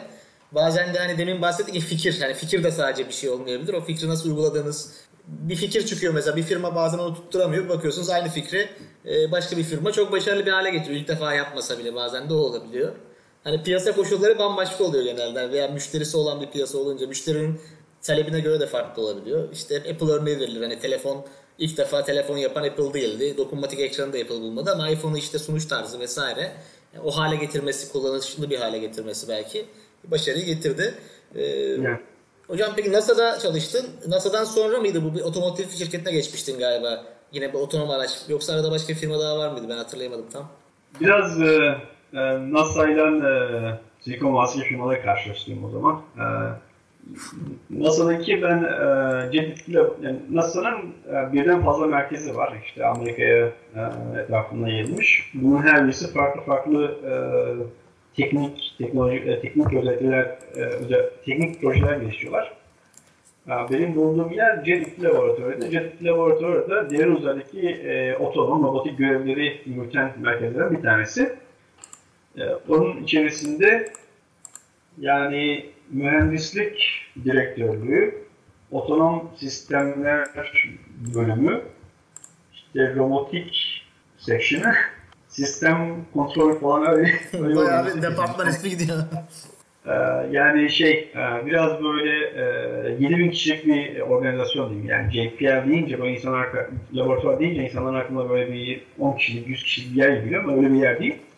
JPL Caltech'e bağlı. Caltech'te çalışan toplam öğrenci hoca sayısı ve diğer üniversite idarelerindeki çalışan sayısı 800. E, JET laboratuvarında toplam çalışan 7000. Dolayısıyla e, e, JPL'in e, bilgi açısından biraz bilgi vermek açısından e, e, söyledim. Çünkü bazen Türkiye'nin bazı arkadaşlarım ya şurada bir adam var tanıyor musun falan diyor. Ben tanımıyorum. Çünkü e, küçücük laboratuvar değil. E, orada robot, e, genelde orada e, doktoradan sonra araştırmacı çalıştığınız zaman e, mühendis olarak bahsediyorum. Şu orada bazı bilim adamları var. JPL bu bilim adamı e, ve e, te, e, teknoloji geliştirme uzmanı diye bir şey var. Yani scientist and technologist. E, bu ayrımı iyi yapıyor mesela. Eğer doktorunuz e, temel bilimlerdense işte fizik, kimya, biyoloji, e, astrofizik o zaman size e, scientist yani bilim adamı ünvanı veriyor. Ama bunun için doktorunuz e, işte mühendislik olsun, işte ne bileyim bilgisayar diyor. Ya, bilgisayar bilimi, bilgisayar mühendisliği, e, makine mühendisliği alanındaysa o zaman size teknoloji yani, yani bilim adamları bilim yapıyor, teknoloji uzmanlar teknoloji geliştiriyor. Yani temel ayrım bu şekilde. Ama hepsi bir arada yani çalışıyor bir şekilde. Tabii. Genelde e, bilim adamları hedef belirliyor. Ya yani biz şu gezegendeki şu karaktere şuradaki yerdeki toprakları, toprakları incelemek istiyoruz şu andalar. Tabii bilim adamları kodlama bilmiyor. Yazılımı da bilmiyor. Mekanik tasarım da bilmiyor. Dolayısıyla onların istediği hedefi geliştirmek e, teknoloji geliştiren insanlara düşüyor. Bu, bunların dediği hedefi gerçekleştirecek teknoloji politikalarını geliştirmesi, teknoloji ürünlerini geliştirmesi, sistemleri geliştirmesi hep oradaki çalışan mühendislerin görevi. Ben orada teknolojist olarak e, çalıştım. E, yaptığım e, bulunduğum robotik e, bölümüydü. Orada çalışırken e, iki farklı kariyer yapmanız mümkün. Birisi sadece uzay projelerinde çalışmak. E, uzay projeleri e, atıyorum Mars 2020 projesi veya ne bileyim işte Psyche görevi ya da diğer görevler. O tarz projelerde çalışabilirsiniz ama bu projelerde çalıştığınız zaman çok fazla araştırma yapma imkanınız yok. Çünkü yapılan şeyin %100 Modeli yok. 99 çalışması lazım. Dolayısıyla yapılan yöntemler çok böyle bilinmiş, çok daha net edilmiş yöntemler oluyor. Yani işin e, görevi yani mühendislik görevi açısından, yani mühendislik iş açısından e, çok ilginç. Ama belki araştırma yapma niyetiniz varsa çok fazla ilginç bulamayabilirsiniz. E, yani bu, bu, kariyerlerden bir tanesi. Tamamen yüzde yüz görevle ilgili e, mühendislik işleri yapmak.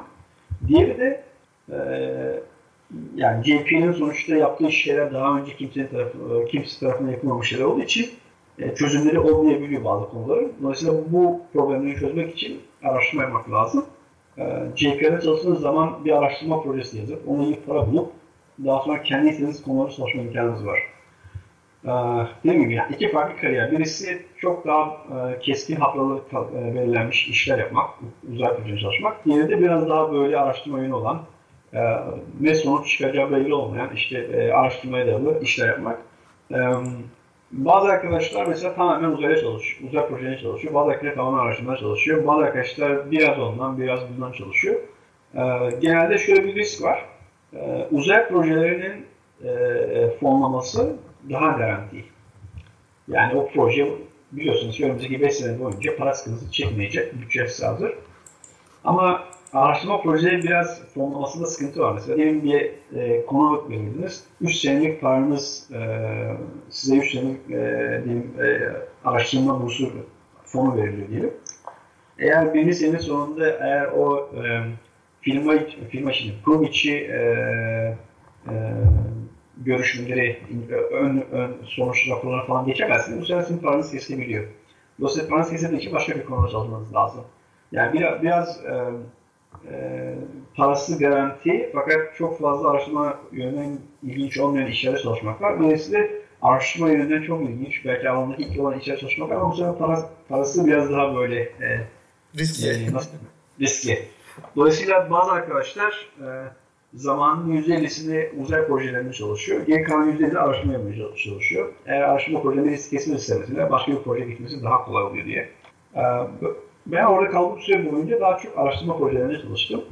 E, Mars rover'la ilgili e, yeni bir hareket planlama e, yazılımı geliştirmek çalışıyorlardı.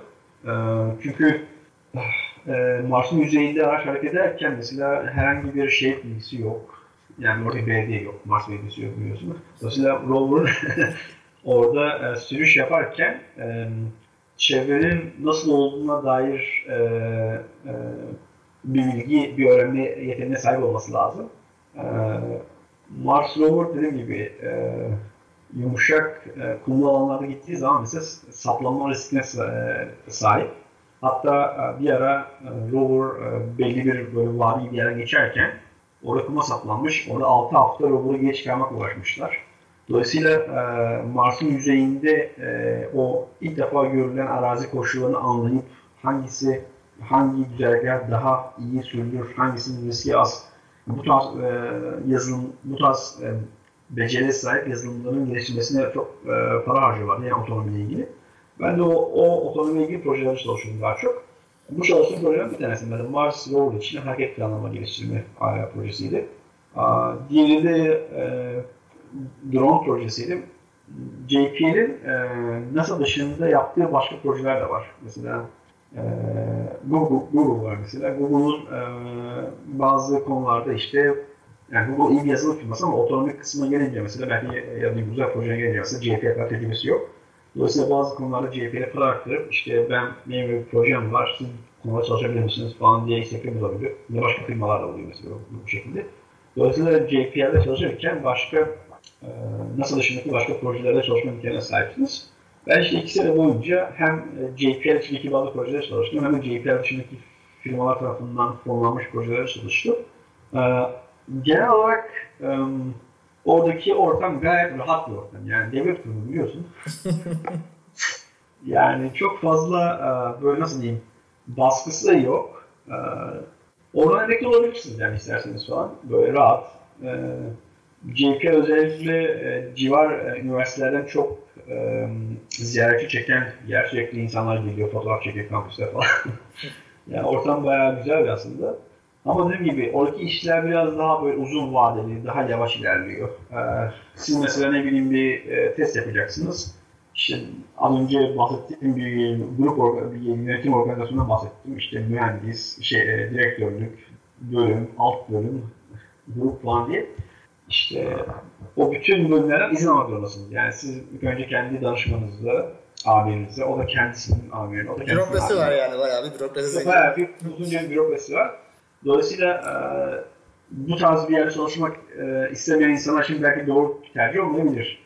E, dediğim gibi proje, projeler e, yani görüş, bir sene boyunca görüşülüyor sürekli yani ne yapacağız, ne edeceğiz falan diye. Yani iş, projenin başlaması biraz zaman oluyor falan. İnsanlar çayını kahvesini alıyor falan, görüşüyor, çıkıyor. O, o e-posta atıyor, e-posta attığı adam izne çıkmış, bunun gelmesini bekliyorsun falan filan. Ama dediğim gibi e, yaptığım işler açısından o işlerin eşsizliği, e, o, iş, o işlerin birlikte olması çok güzel bir yer aslında. Yani e, o Mars'la ilgili proje çalışıyorken yani bazı bilgiler mesela halka açılmıyor mesela onları siz biliyorsunuz. Sonra diyorsunuz ki aslında bu bütün insanlar içerisinde tek bilen ben aslında. o yüzden iyi bir motivasyon da verebiliyor yani. Bir de hocam yazdığın, yazdığın kodlar Mars'a gidiyor hocam değil mi? O da bir güzel bir şey yani. o, o, o, o, biz de mesela drone falan yapacağız zaman yazdığın kod havada uçuyor falan diyorsun. O bile güzel bir his. Bir de Mars'a gittiğini düşününce. yani e, bu özellikle yeni görevde mesela Mars 20 ile ilgili bir helikopter projesi de var mesela. E, yani daha önce Mars'ın yüzeyinde hani inmeye bırakın. Ya yani bırakın helikopter uçurmayı orada inebilen çok fazla ülke yok. yani yaptığım işin biraz böyle işin hem e, eşsiz olması hem de böyle bilimsel olması insanları çok motive ediyor ve dolayısıyla insanlar çok iyi çalışıyor aslında. Ve e, işe aldıkları kişiler de genelde iyi okullardan mezun, çok e, alanında iyi insanlar olduğu için bu kadar zor zorlu işleri rahat yapabiliyorlar. Ama dediğim gibi işin içerisinde çok uzun yıllar e, büyük emekler. Tecrübe var yani orada e, yani şey yok böyle bilgisayarda bir kod yazıyorsunuz. Hadi bunu işte yükleyelim falan öyle bir şey yok. Onun böyle bir e, öncelemesi var. işte ne diyeyim oradaki bir sürü e, e, süreçleri var. Onları geçtikten sonra belki işte yaptığınız bir şey gerçek bir göreve gitme e, şansına sahip olabiliyor. Oradaki insanlar e, yani orada çalışsanız 20 sene boyunca, yani 30 sene boyunca belki 2-3 tane görevi e, görebilme şansınız var. Çünkü bu görevler mesela e, hepsinin en az 5-6 sene öncesinden bir e, şey süreç görüşmesi var. Bütçenin e, federal hükümetten onaylanması var. İşte bu, bu tür, bu tür şeyler. Dolayısıyla orada çalıştığınız zaman hani hep uzun vadeli düşünmek zorundasınız. Yani orada işte emekli yani benim gördüğüm kişiler zaten orada ortalama 10 ee, en az 10 sene CHP'de olan insanlardı. Yani giden bir daha çıkmıyor e, oradan. Çünkü uzun vadeli bir e, e, projeler. Ee, orada iki seneden fazla çalıştıktan sonra biraz otonomi alanında çalışmak için ve biraz daha böyle hızlı seri, yani seri bir şekilde bir şeyler yapmak için Silikon Vadisi'ne gelmeye karar verdim. Ee, ilk, ilk başta bir startupta başladım. Yani biliyorsunuz Silikon Vadisi'nin startupları biraz meşhurdur. Ee, bir startupta e, yaşlılar ve emekli insanlar için taksi hizmeti yapacak bir proje vardı. O, o, o projede çalıştım. Ee, oradaki işte plan ve kontrol işleri üzerinde e, ön çalışmalar yaptım işte. İlk, ilk, ilk, ilk jenerasyon araçları üzerinde çalıştım. Ee, startup, startup ortamı biraz farklı geldi şey açısından. Hani JPL'den e, startup'a geçince mesela nasıl diyeyim bir JPL'de bir e, bilgisayar olacak diyelim. İşte bir 10 tane 20 tane yeni e-posta gönderiyorsunuz. E, startup'ta bir bilgisayar alınacak dediğiniz zaman git şu firmadan siparişini ver falan diyorlar mesela. Dolayısıyla her şeyi kendi başına halletmem lazım. E, startup ortamı biraz e, şey açısından iyi. E, kısa sürede bir şeyler yapıp hızlıca bir şekilde yükselmek istiyorsanız falan iyi bir yer yani. E, ve para sıkıntısı da yoksa mesela özellikle e, startup'ta. E, yani sizin yapmanız gerektiğinizi söyleyen kimse yok. Ee, kendi e, çalışma takvimini belirliyorsunuz. Ve orada bir şeyler teslim ettiğiniz sürece kalabiliyorsunuz bir şekilde. Ama e, JPL'den çalıştığım çok daha çalıştığımı kabul ediyorum. Yani düşünüyorum. Çünkü e, ilk başladığımız zamandaki mühendis sayısı 15 kişiydi falan. Çoğu işi kendiniz yapmanız lazım. Ama dediğim gibi e, JPL'de çalışırken şey düşünüyorum ya ben böyle otonom alanda çalışayım. JPL nasılsa her zaman JPL olarak kalacak. Bir istediğim bir vakti geri dönelim falan diye bir düşüncem vardı. JPL'den ayrılırken zaten grup müdürüyle de ben o şekilde görüşmüştüm. Ee, özellikle yeni genç arkadaşlara tavsiyem eğer bir firmadan ayrılacakları zaman o firmayla mutlaka mutlaka iyi bir şekilde ayrılmaları lazım. Hani nasıl benim son günüm bir bu arkadaşlar işim olmaz falan deyip de böyle e, kapıyı vurup çıkmak çok mantıklı gelmiyor bana. Köprüleri yakmamak lazım yani gemileri yakmamak. Yani köprüyü yakmadan. Hatta oradaki e, grup müdürü e, ben ona şey söylemiştim. Ben otonom alanında çalışmak istiyorum demiştim. Özellikle Silikon Vadisi'nde bu arada çok imkanlar var. Bir deneyim, bir, bir denemek istiyorum falan.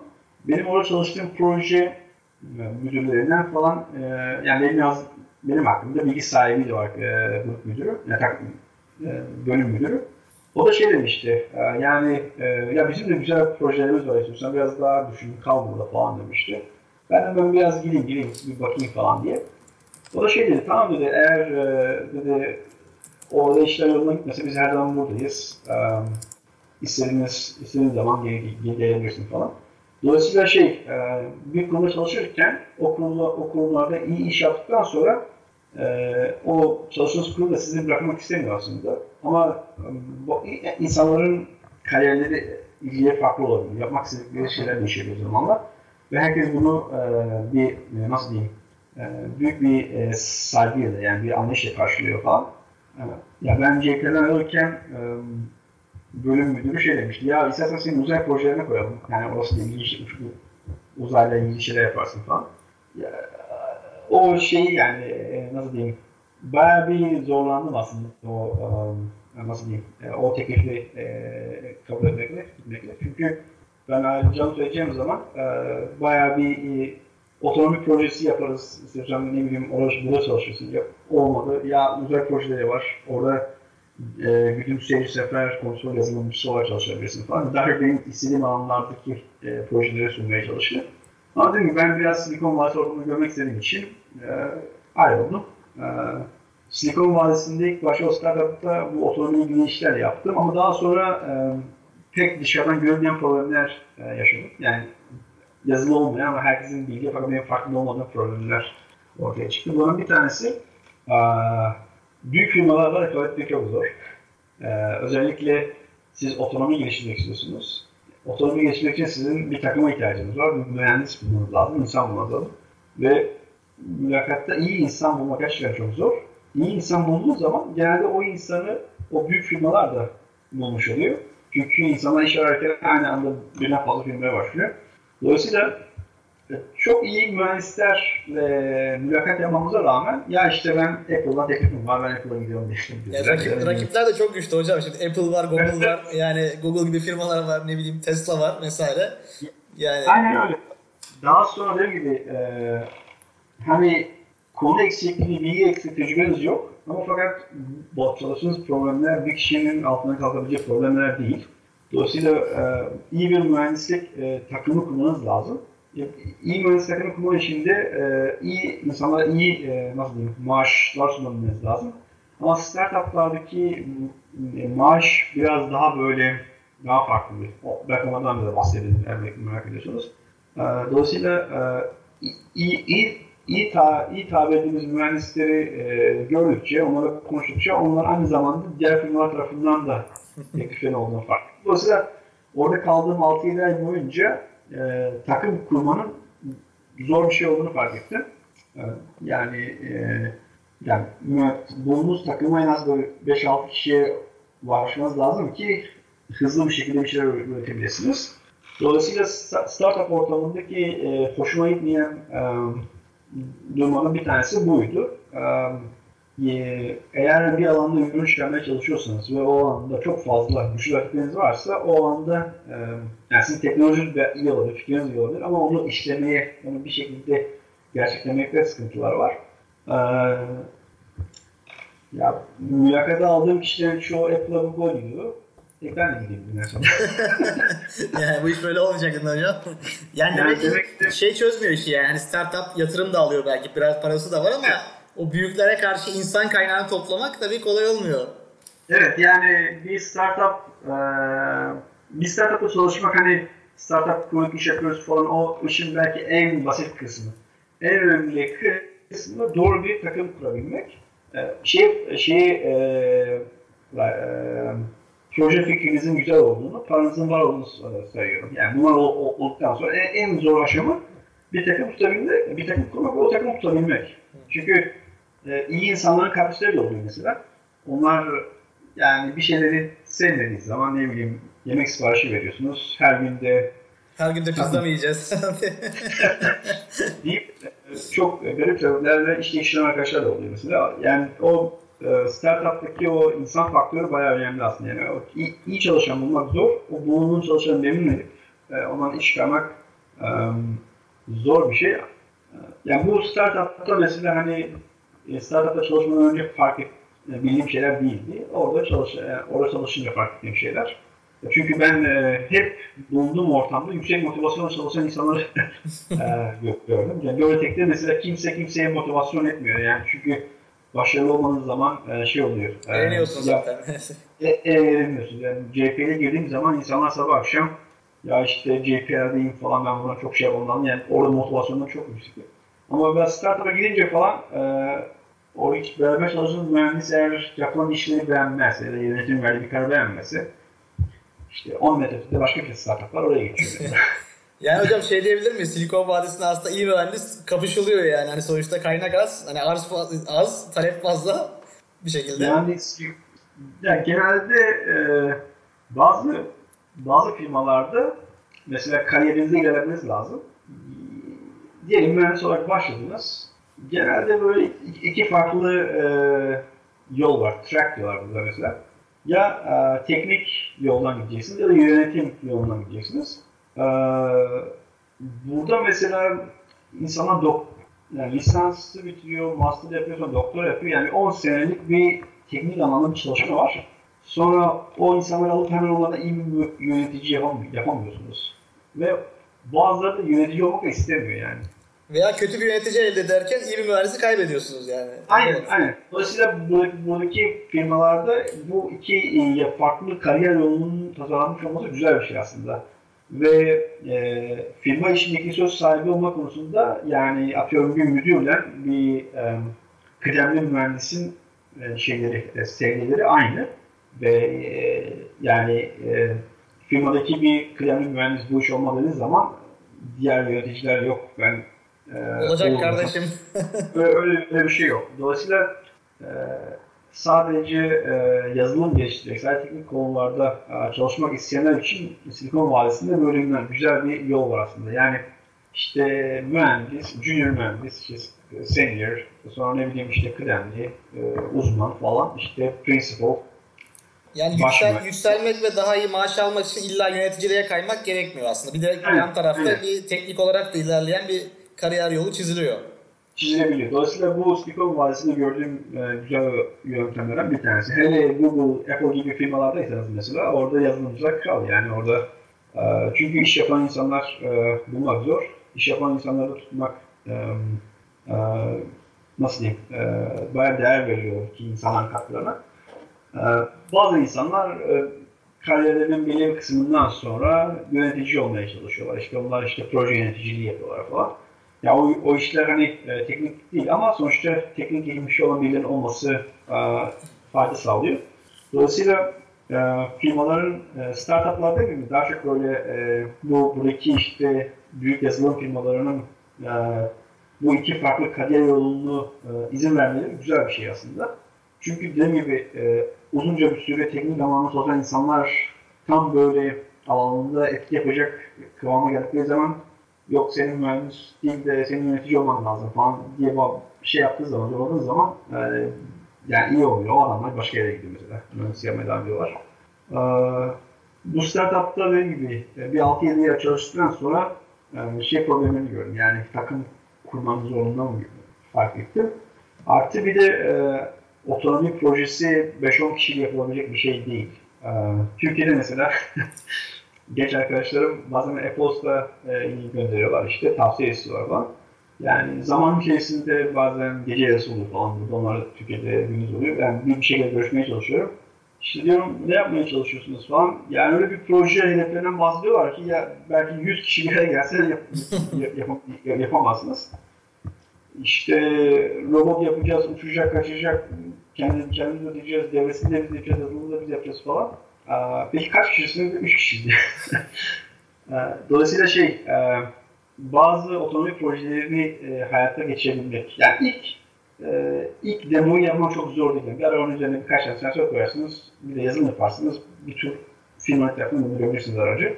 Ama onu ürünleştirme, ürünleştirme, yani ürün haline getirmek, o ürünleştirme sürecinde çok fazla test yapılması lazım, çok fazla mühendisin bu yazılımın farklı yerlerini incelemesi lazım. Ve bunlar böyle e, 3-5 kişiyle olacak bir iş değil. E, hani de e, proof of concept kolay da e, sonrası biraz daha e, o nasıl buzdağının görünmeyen kısmı. E, onun için çok fazla insan gücüne ihtiyaç var.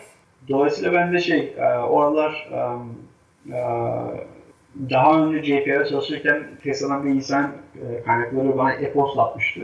Ben o sıralar işte e, ya JPL güzel falan um, ben biraz burada kalacağım. E, Silikon Vadisi'ne gitmeyi düşünmüyorum diye e, reddetmiştim. E, Silikon Vadisi'ne geldiğim zaman bu sefer o insan kaynaklarına ulaştım. Dedim ya ben daha önce görüşmüştük falan işte ben o zaman JPL'deydim. Şu anda işte vadiye geldim falan. O da benim için özgeçmişimi alıp e, başvuru, yani başvuruya soktu.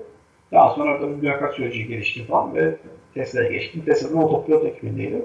Orada planlama ve kontrol işi yapıyorum. Ee, Tesla ile startup'ı karşılaştırdığım zaman e, bizim otonomi takımı mesela startup 10 kişiydi. E, Tesla'nın sadece planlama ve kontrol ekibinin 10 kişiden fazla olduğunu fark ettim. Dolayısıyla e, e, çok daha büyük bir ekipti. Yani oradaki otopilotun e, mühendis sayısı yüzden fazla. E, orada çalışım süre boyunca e, otonom sürüşle ilgili e, şerit değiştirme e, yetenekleri geliştirdim. E, bu e, araç çağırma özellikle o hareket planlama işlerinde çalıştım. E, bir de e, şeyde e, bir ara Avrupa'da sürüş yapmakla ilgili e, bir projeleri vardı. İşte bu e, otopilot araçlarını Avrupa'da sürmekle ilgili. Orada mesela yaptığınız yazılımların, şehir teşviklerinin her şeyini Avrupa'daki kuralına uygun hale getirmesi lazım. Özellikle mesela İngiltere'de sürüş yapıyorsanız bütün her şey şehitler değişik falan. O, o kısımda da biraz çalıştım. E, genelde e, otopilotla ilgili o planlama ve kontrol. E, planlama ve kontrolden kastım şu, yani araç otobanda işte 100 km hızla giderken sadece kamera bilgisi geliyor. Kamera bilgisinden görüntü işlemeyle o aracın etrafındaki çevrenin bilgilerini elde ediyorsunuz. İşte şehir bilgisi, o aracın etrafındaki ara, e, hareket edilen diğer araçların bilgisi. İşte bütün bunları, e, bu bilgileri alıp onu işte düzgün bir e, yani fren, gaz ve vites, vitesi yok gerçi de e, direksiyon çevirme komutlarını oluşturan bir yazılım var. İşte planlama ve kontrol yazılımı yaptığı iş yok. E, yani bulunduğu çevre ve atıyorum bir şeyi takip edeceksiniz. Onun için gerekli olan yolun çizilmesi ve hız profilinin belirlenmesi. Daha sonra o yol ve hız profilini takip edecek kontrol algoritmalarının geliştirilmesi. Ve bunun sonucunda e, yani işte normal bir insan şoför e, aracı için hangi komutları veriyorsa işte bu direksiyon çevreleri, frenler, gazdır. Onun aynısını bu sefer bir de yazılım aracılığıyla üretmeye çalışıyorsunuz. Ben dediğim gibi o perception'dan e, bu e, direksiyon ve hız komutları olan yazılım, yazılım arasındaki yazılımdaki e, çok kısmını görev aldım. E, bu Tesla'daki e, yaptığım çalışma genel olarak bu şekildeydi. Otonom sürüşe ilgili. Tesla'da hocam ortam nasıldı şimdi tabii arkadaşlar onu da çok merak ediyordur. Elon Musk'la tanıştın mı? İşte onunla görüşüyor muydunuz falan? O sorular eminim vardır arkadaşların kafasında. Ee, nasıl bir ortam vardı? Çalışma temposu vesaire. Yani JPL'de mesela e, bir e, organizasyon şemasından bahsettim. Bunun Tesla'daki karşılığı şu. Normal mühendis, onun takım müdürü ve onun üstünde Elon. Her şey çok... şey Elon Reis'e bağlı. Dolayısıyla çok fazla böyle e, arada e, aradaki çavuşlar yok yani artık o iş e, iş yapan, iş yapmayan, çok konuşan kimseler yok. Böyle olunca yani büyük patronun bir mühendislik geçmişi olduğu için yani teknik konulara da hakim. Dolayısıyla e, herhalde araya çok fazla adam girince e, onun istediği bir şeyin alttaki mühendisliğe ulaşması yani çok doğrudan etki edemiyor belki. O Kulaktan belki kulağa oluyor belki de arada işte değişiyor bozuluyor. yani ben aracın e, şu özelliğini istiyorum diye bir istekle bulunuyor. O aşağı giderken çok farklı bir şey çok dönüşebiliyor. Genelde e, yazılım geliştirmede bu çok karşılanıyor. Müşterinin istedikleri de e, teslim edilen çok farklı oluyor. Çünkü e, bu niye oluyorsunuz? E, proje yöneticisi diyor işte müşteri bize böyle feedback verdi. Proje yöneticisinden takım liderine gidiyor takım lideri. Ne zaman mühendisler diyor ki niye bu özelliği yaptınız? Ya işte bana, bana verilen proje raporunda bu senin bu yaptım. Dolayısıyla oradaki katmanların az, az olması belki kendisinin istediği şeyleri doğrudan e, yapılmasını kontrol etmek istediği, istediği için olabilir.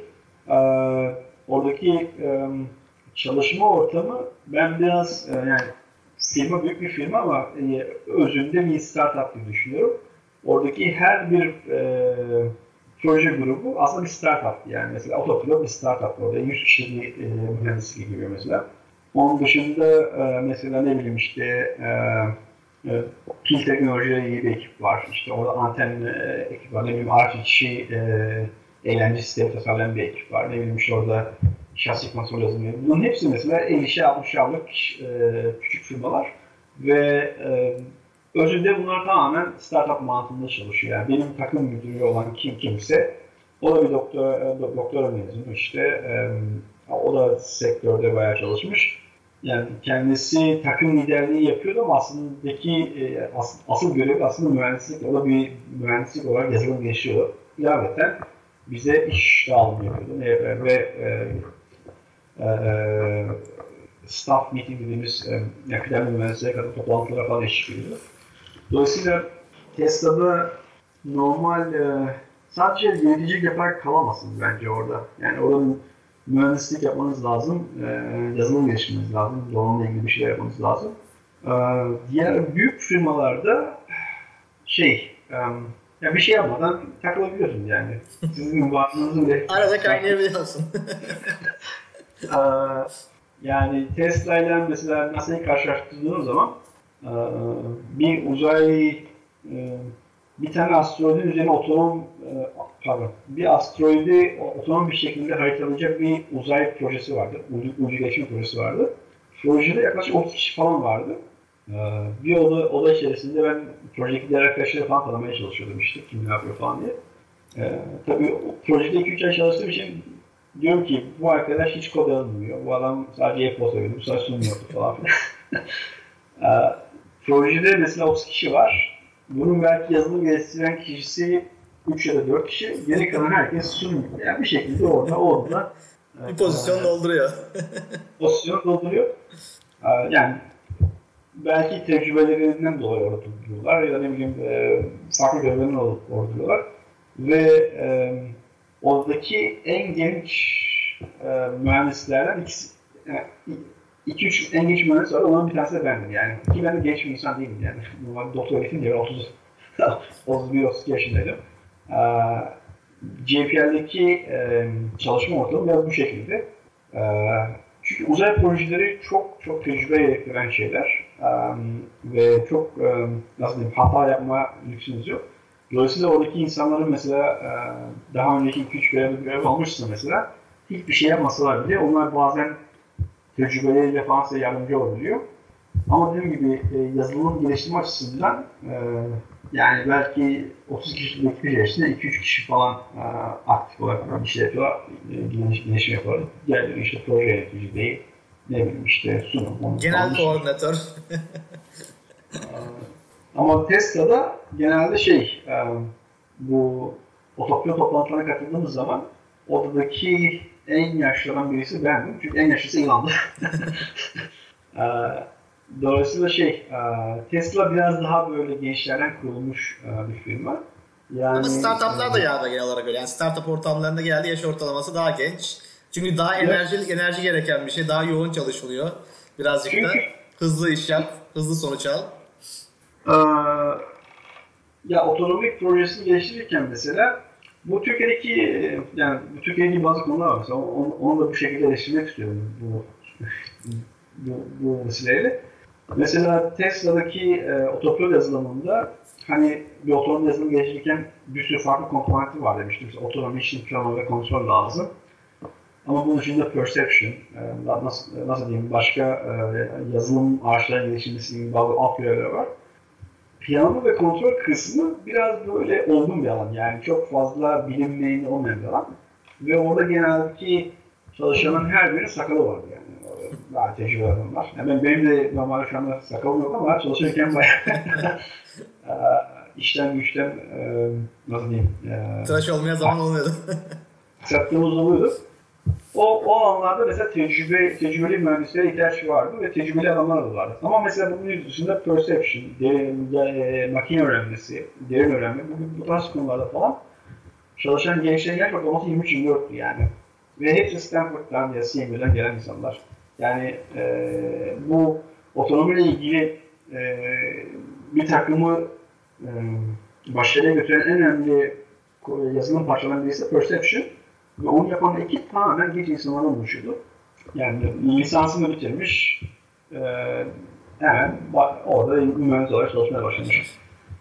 Türkiye'deki yazılım yanına baktığımda mesela 10 e, sene tecrübeli yeni mezun adamlar var böyle falan. böyle garip bir e, garip bir şeyleri var. E, ama tecrübe e, fetişizmi var. Yani Silikon Vadisi'nde mesela genelde bazı pozisyonlar var ve bunlarda özellikle yeni mezun insanlar istiyoruz. Yeni mezun insanlar, e, mühendisler istiyoruz. Çünkü onları alıp kendi e, dediğim gibi şirket içi eğitim e, kültüründen geçirip kendilerinin istediği sevdiği mühendisleri yapmaya çalışıyorlar. Hocam aslında sorun biraz orada başlıyor. Yani bizde o işte o e, şirket içi eğitimden geçirebilecek e, imkana sahip şirketlerin az olması ve herkesin hazır iş yapacak adam hemen arıyor olması. Yani hani o birini eğitecek e, kaynağı da kısıtlı olabiliyor çoğu yerin. O para da yok, o bilgi ve tecrübe de yok zaten. Onu yetiştirecek insan da yok. Yani hani e, öyle olunca herkes istiyor ki biri gelsin hemen bizim işimizi yapsın tek başına. Ürün çıkartalım.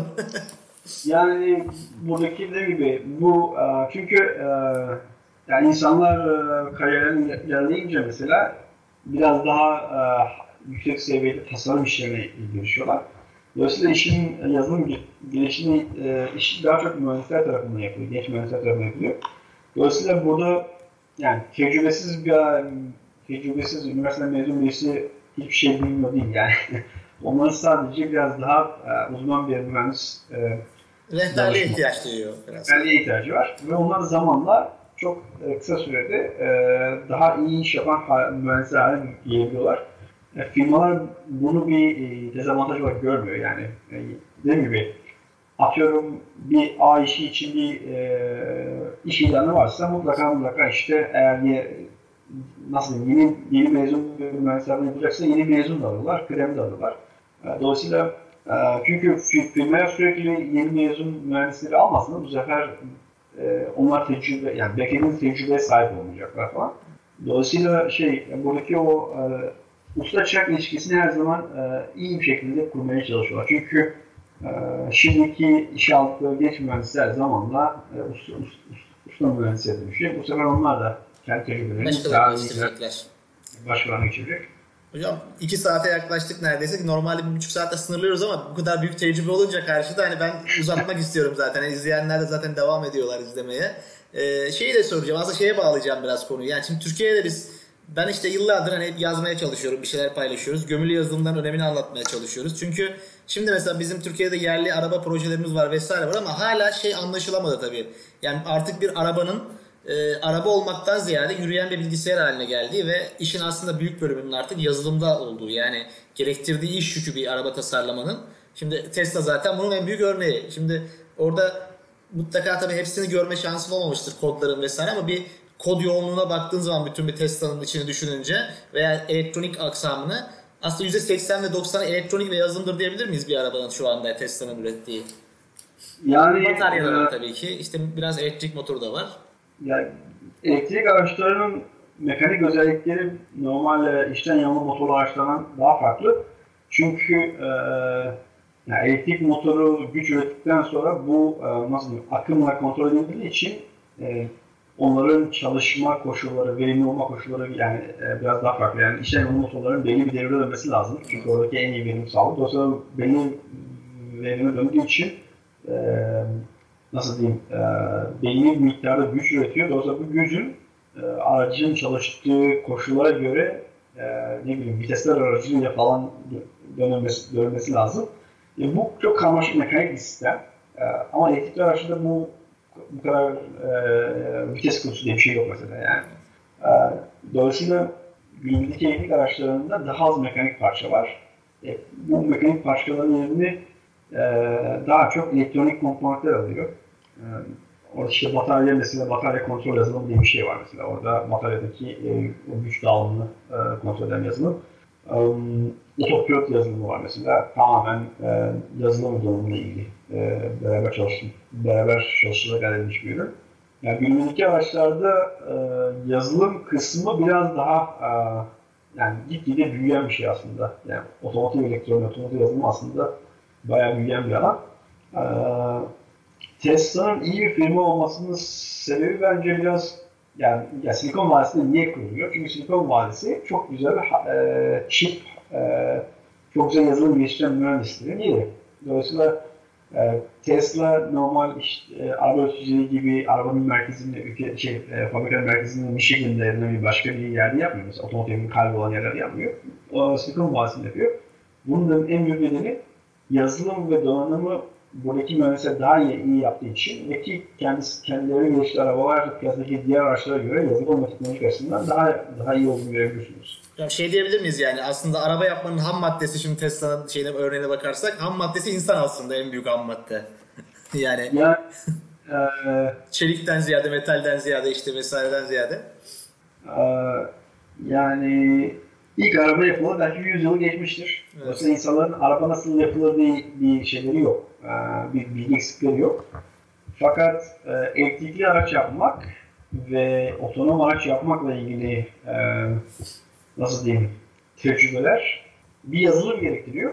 Bir de pil teknolojisi gerektiriyor. Pil teknolojilerinde buradaki e, laptop üreticileri olsun, buradaki telefon üreticileri olsun onların çok iyi bildiği konular. E, dolayısıyla Tesla'nın burada firmasını kurmasının en büyük önemli bir tanesi dediğim gibi Silikon Vadisi'ndeki o yazılım, donanım, işte batarya ilgili e, tecrübeli mühendisler, mühendisleri falan çekme amacıyla kuruluyor. Mesela SpaceX Los Angeles'ta. Niye? Çünkü yani, arabayla misal e, kuzeye gittiğin zaman orada Jet Jet laboratuvarı var. Oradaki mühendislerden bayağı e, transfer ediyorlar falan. Dolayısıyla e, firmaları genelde yeteneği e, insan kaynağının bol olduğu yere kuruyor insanlar. Yani bu da başarı getiriyor zamanla. Yani hocam arazinin, arazinin ucuz olduğu yere kurmuyoruz yani firmayı. İnsan kaynağının çok olduğu yere kuruyoruz değil mi? Çünkü e, mesela Michigan'da fabrika kurmuşlar. işte otomotiv firmaları. İş teklifi geliyor. İş teklifi, yani teklif demeyeyim iş görüşmesi ya işte şurada bir pozisyon var, ilgilenip sana bir şey geliyor. Bakıyorsun Michigan çok soğuk, kim gidecek oraya falan diyorsun mesela.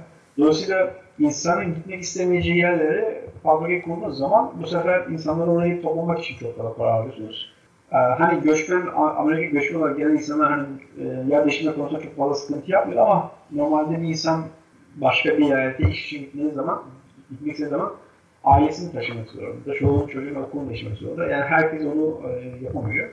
Dolayısıyla insanların çalışmaya, çalışmak için yaşamaktan mutlu olacakları yerlerde firma kurmak e, biraz o insan kaynağını bulmaktaki zorlukları hafifletiyor, öyle, öyle söyleyeyim.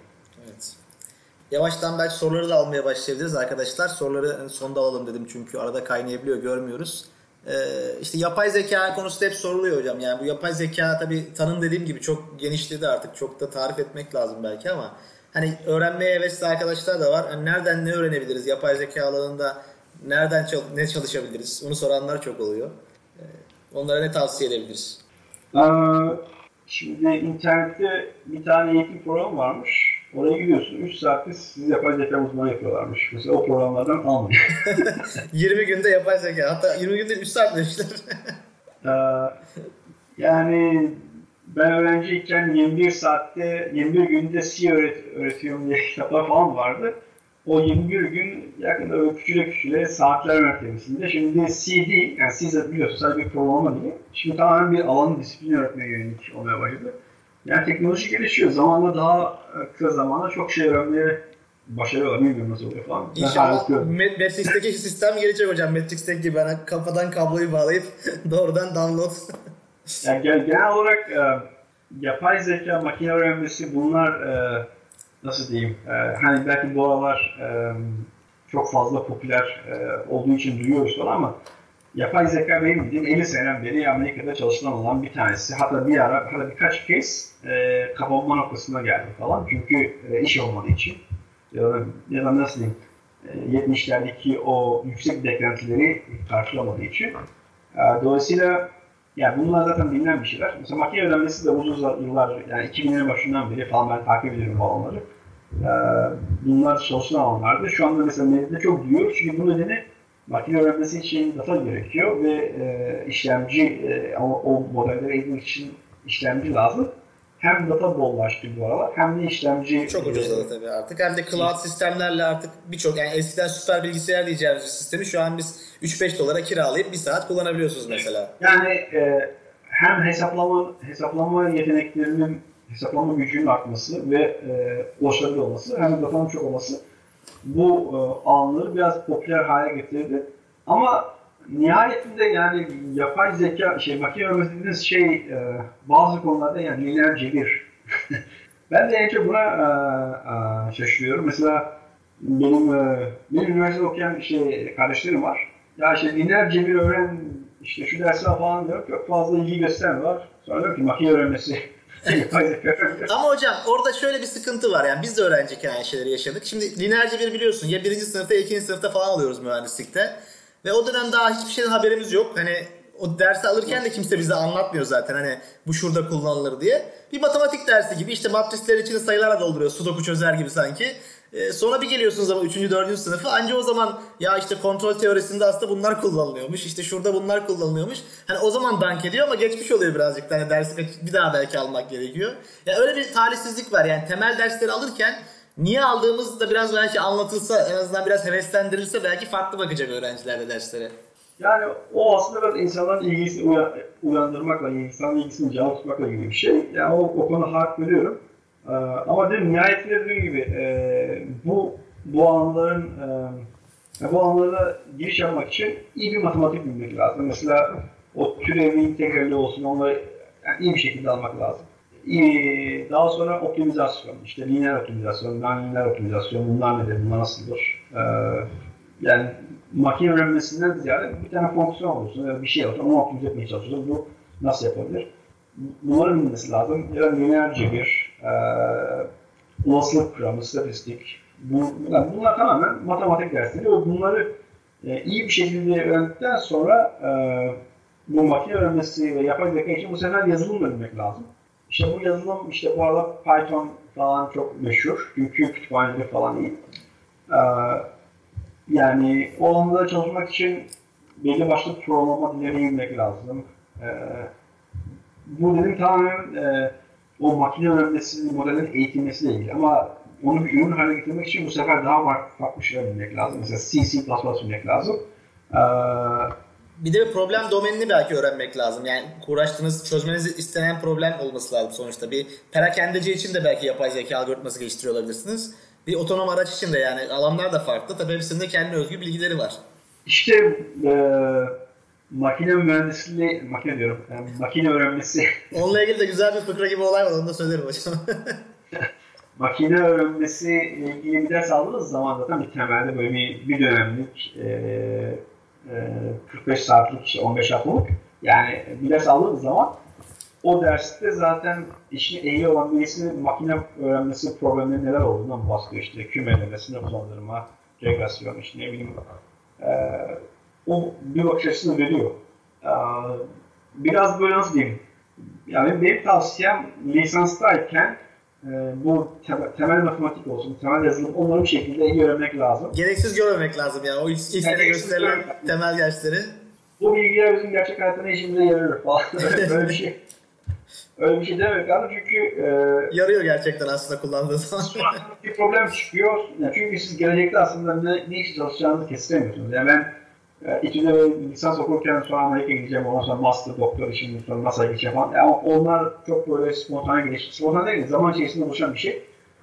Ve dolayısıyla siz daha kendinizin gelecekte mezun olduktan sonra ne çalıştığını kestiremediğiniz için e, bazı aldığınız dersleri falan öğrenmemezlik etmeyin. Yani o mutlaka işinize bir gün yarar. İkincisi, e, doktora belki herkese tavsiye etmem ama çünkü çok daha farklı bir şey yok. Ama yüksek lisans seviyesinde mesela o makine öğrenmesindeki dersleri alınması e, ve o konularda anlaşma yapılması, makale yazılması, uygulama yapılması bu şekilde öğrenebildiğini düşünüyorum. Yani benim 3 e, saatte yapay zeka, 4 saatte makine öğrenmesi gibi kısa bir şey yok. Çünkü ben kendim yapabilmiştim yani onu. O, Öyle bir şey. Yani, ha, yani. Ee, hocam otonomi projelerinde en değerli gördüğünüz beceriler nelerdir diye bir soru gelmiş. Ah. Otonomi projelerinde e, ya şu anda mesela Silikon Vadisi'nde mesela 20 tane firma sayabilirim otonomiyle ilgili çalışan. Ve bunların e, sitelerine gidip iş yanına baktığınız zaman genelde e, yani iyi, iyi, iyi bir kontrol mühendisi arıyorlar bu kontrol mühendisliği e, aracın işte hız kontrolü yapan, e, şehir takip kontrolü yapan şey. İyi bir e, e, yol planlama algoritmaları, arama algoritmaları çalışan birisi. Mesela herhangi bir e, e, arama algoritması, herhangi bir e, e, ro, ro, robotikte karşılığı hareket planlama, motion planning geliyor. Mesela bu, bu, bunlara ihtiyaç duyuyorlar. E, fakat bunların en önemlisi bence e, ben Türkçe perception'ı kav kavrama diye çevirdim. Kavrama algoritmaları. Çünkü gördüğünüz şeyi kavramaya, anlamaya çalışıyorsunuz. Bu konudaki mühendisler çok önemli. Ee, şu anda dediğim gibi e, araç sürerken mesela iki, bizim iki gözümüz var. Gözümüzü e, kapatıp açtığımız zaman sürüşle ilgili olan minimal bilgileri biz çok hızlı bir şekilde alabiliyoruz. Mesela şerit bilgisi, önümüzdeki aracın konumu, diğer araçların ne yapmaya çalıştığı. Şimdi bilgisayarlar bu, bunu çok hızlı bir şekilde yapamıyor. Yani bu çok karmaşık bir problem onlar için. Ve bunun için e, makine öğrenmesi, deri öğrenmesi, algoritması bilen e, araştırmacılara ihtiyaçları var. Çünkü e, anlamayı falan hani biz insanlar çok rahat bir şekilde biliyor ama bilgisayar yapamadığı için e, elimizde ne bileyim bir sürü data olduğu zaman ve biz onları semantik olarak etiketlediğimiz zaman bunu bir e, öğrenme algoritmasında nasıl eğitebiliriz? Bununla ilgili e, araştırma yapan mühendislere çok ihtiyaç var. Özellikle bu konuda çok fazla e, e, çalışan ihtiyaç var. Çünkü otonomi, otonomi projelerinde mesela Tesla'da e, bu e, bilgisayar görü ve perception ekibi e, planlama ve kontrol ekibinin 5 katıydı. Yani çünkü çok fazla da problem var her her sensör tipine e, içeri farklı e, uzmanlık gerektiriyor mesela. Bunun dışında ya ben bu konulardan hiç anlamıyorum. C e, şey, e, nasıl diyeyim matematik de bilmiyorum. E, hiçbir şey e, kontrol de bilmiyorum. Robotik de bilmiyorum. Ya sadece düz C, C ve C++ programcısı olsanız bile çok büyük bir imkanlar sahip olabilirsiniz. Çünkü e, iyi kod yazabilen, iyi yazılım geçirebilen mühendislere çok e, aşırı miktarda ihtiyaç var. E, o yüzden e, nasıl diyeyim, genelde C ve C++ dilleri biraz e, öğrenmesi zaman alan e, işler ve insanlar artık ya bir arkadaşım hatta şey demişti, bir öğrenci arkadaşım ya C çok eski falan filan demişti, niye öğreneceğim falan demişti. Şimdi bir arkadaş demiş onlar, etrafındakiler işte C++ ölüyor falan demişler. Yani orada şey ha. sormak lazım, onu söyleyenler ne kadar bu işin içinde, anlayan veya kullanan birileri mi gerçekten?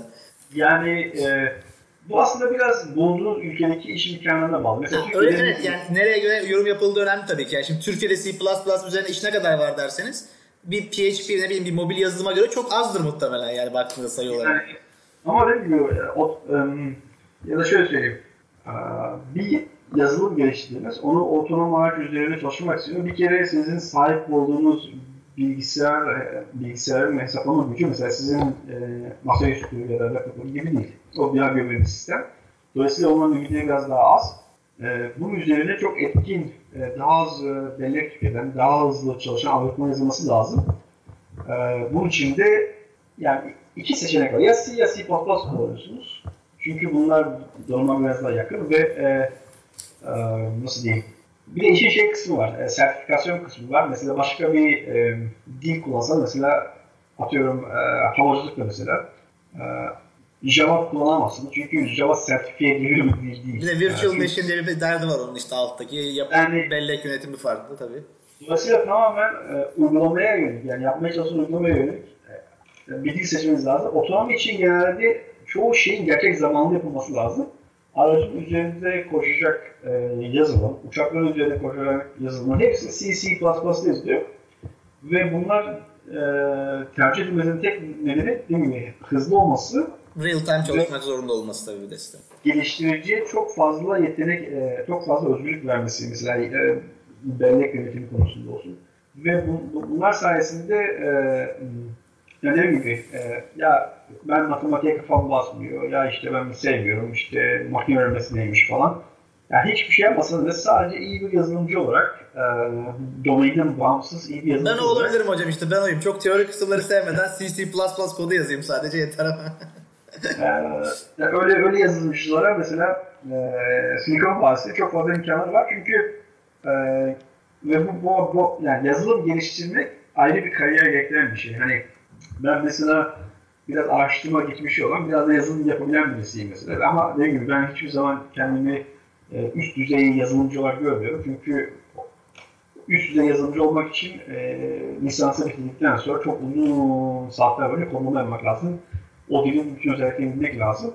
E, dolayısıyla e, üretim e, üretime gidecek yazılımları geliştiren e, çok kıdemli yazılımcılara ihtiyaç var. Onlar da mesela genelde, onun altında da genelde birden fazla e, e, junior yazılımcılar oluyor mesela. Onlar genelde e, işte kodlama standartları oluyor. Mimari veya yazılım mimarı olarak belki çalışıyor tecrübeliler. Ama çünkü bunu, bunu yapmak için de o sektörde sadece yazılım geliştirmekle uğraşmış olmak lazım. E, bu tarz e, profildeki e, mühendislere de ihtiyaç var genelde. Hocam o zaman şunu anlıyorum ben de yani ben onu soracaktım aslında o soran otonomi alanında. Kontrol bir mühendisliği var. Birçok böyle teorik kontrol teorisiyle ilgili alan var. Ve işin içinde kodlama var otonomi dediğimiz zaman. O zaman her profilde insana aslında ihtiyaç var diyebilir miyiz? Yani kontrol odaklı sadece kontrol algoritması geliştiren kişi sadece yazılımcı ve işte veya bunların bir kombinasyonu. Çünkü ben mesela işte Baykar'da biz Selçuk Bey'le, Selçuk abiyle geliştirirken bir dönem 3 kişi falan yazıyorduk yani kodu öyle söyleyeyim. Çünkü Selçuk Bey'in uzmanlık alanı işte otonomi zaten. Yani kontrol algoritmalarını o yazıyordu. Biz işin biraz daha sensör işte geri kalan hani real time sistemi işte adaptasyonu. Ee, ben mesela işin o tarafında uzmanım ama kontrol algoritması geliştirme tarafında bir uzmanlığım yok. Yüksek lisansım ben kontrol bölümünde yaptım Yıldız Teknik'te. Orada ben mesela çok sıkıldım çünkü bölüm tamamen teorik kontrol teorisi üzerineydi. Tek satır kod yazılmıyor, hiçbir uygulaması yok hiçbir şeyin. Hani biz biraz belki oraya alınan bir araç vardı. Altı pervaneli işte drone gibi bir şey alınmıştı. Onun üzerine çalışma yaptım ben yüksek lisansım süresince. Yani o en azından benim için keyifliydi. Ama bölüme baktığım zaman full teorik, sadece kontrol teorisi ve tek satır kod yazılıp bir şey çalıştırılmıyor. Sadece Simulink modelleri üzerinden belki yapılıyor. Tabii üniversite biraz daha akademik yani anlıyorum onu. Ama en azından birazcık daha belki bunun biraz daha uygulamasını da yapıp öyle görelim dense e, farklı da olabilir bilmiyorum. O, o, o dediğimiz şeyin sıkıntısı genelde e, e, kontrol ve bilgisayar farklı alanlar olduğu için e, her ikisini bilen çok az adam olmuyor. E, yani bir şekilde eğer her ikisine hakim bir, her ikisine hakim derken her ikisinin biraz ondan biraz ondan biraz bilen bir e, akademisyen olsa mesela kendi laboratuvarını o şekilde kur, kurar. E, o şekilde uygulama yönelik kontrol e, eğitimi verebilir. Yani genelde e, bir otonomi projesinde mesela e, bir domain uzmanı vardır yani. Bu adam iyi bir robot, robotçudur ama hiçbir zaman mesela çok böyle yazılım e, yazılım geliştirme yazılım kalitesi yüksek olmayabilir. Bir de yazılım yazılım geliştirme uzmanı vardır mesela. Mesela bu adam e, domain hakkında bilgi değildir ama mesela buna e, ne bileyim bir tasarım yaparsın, bir bir bir, bir interface control document bir şey mesela. Bir, bir arayüz tasarımı falan verdiği o onu gerçekleştirebilir mesela. Yani bunlar birisi domaindeki uzmanlığını e, konuşturup yapılması gerekenleri bilir. Diğeri de onu yapar. E, bu iki mühendis mesela bir ürün geçtikleri zaman bir de bunun için test kısmı var mesela. E, o da ayrı bir uzmanlık yani değil mi hocam? Test olayı bile tek başına uzmanlık yani. O da ayrı bir uzmanlık. Yani domain uzmanı, yazılım geliştirme uzmanı, test, bir de sahada sürüş uzmanları falan lazım. Uçuş testlerini yani, yapacak insanlar evet. Her bir farklı farklı e, mühendisler. İşte bunların hepsini yapan bir kişiye Tesla'da otopilot mühendisi deniyor.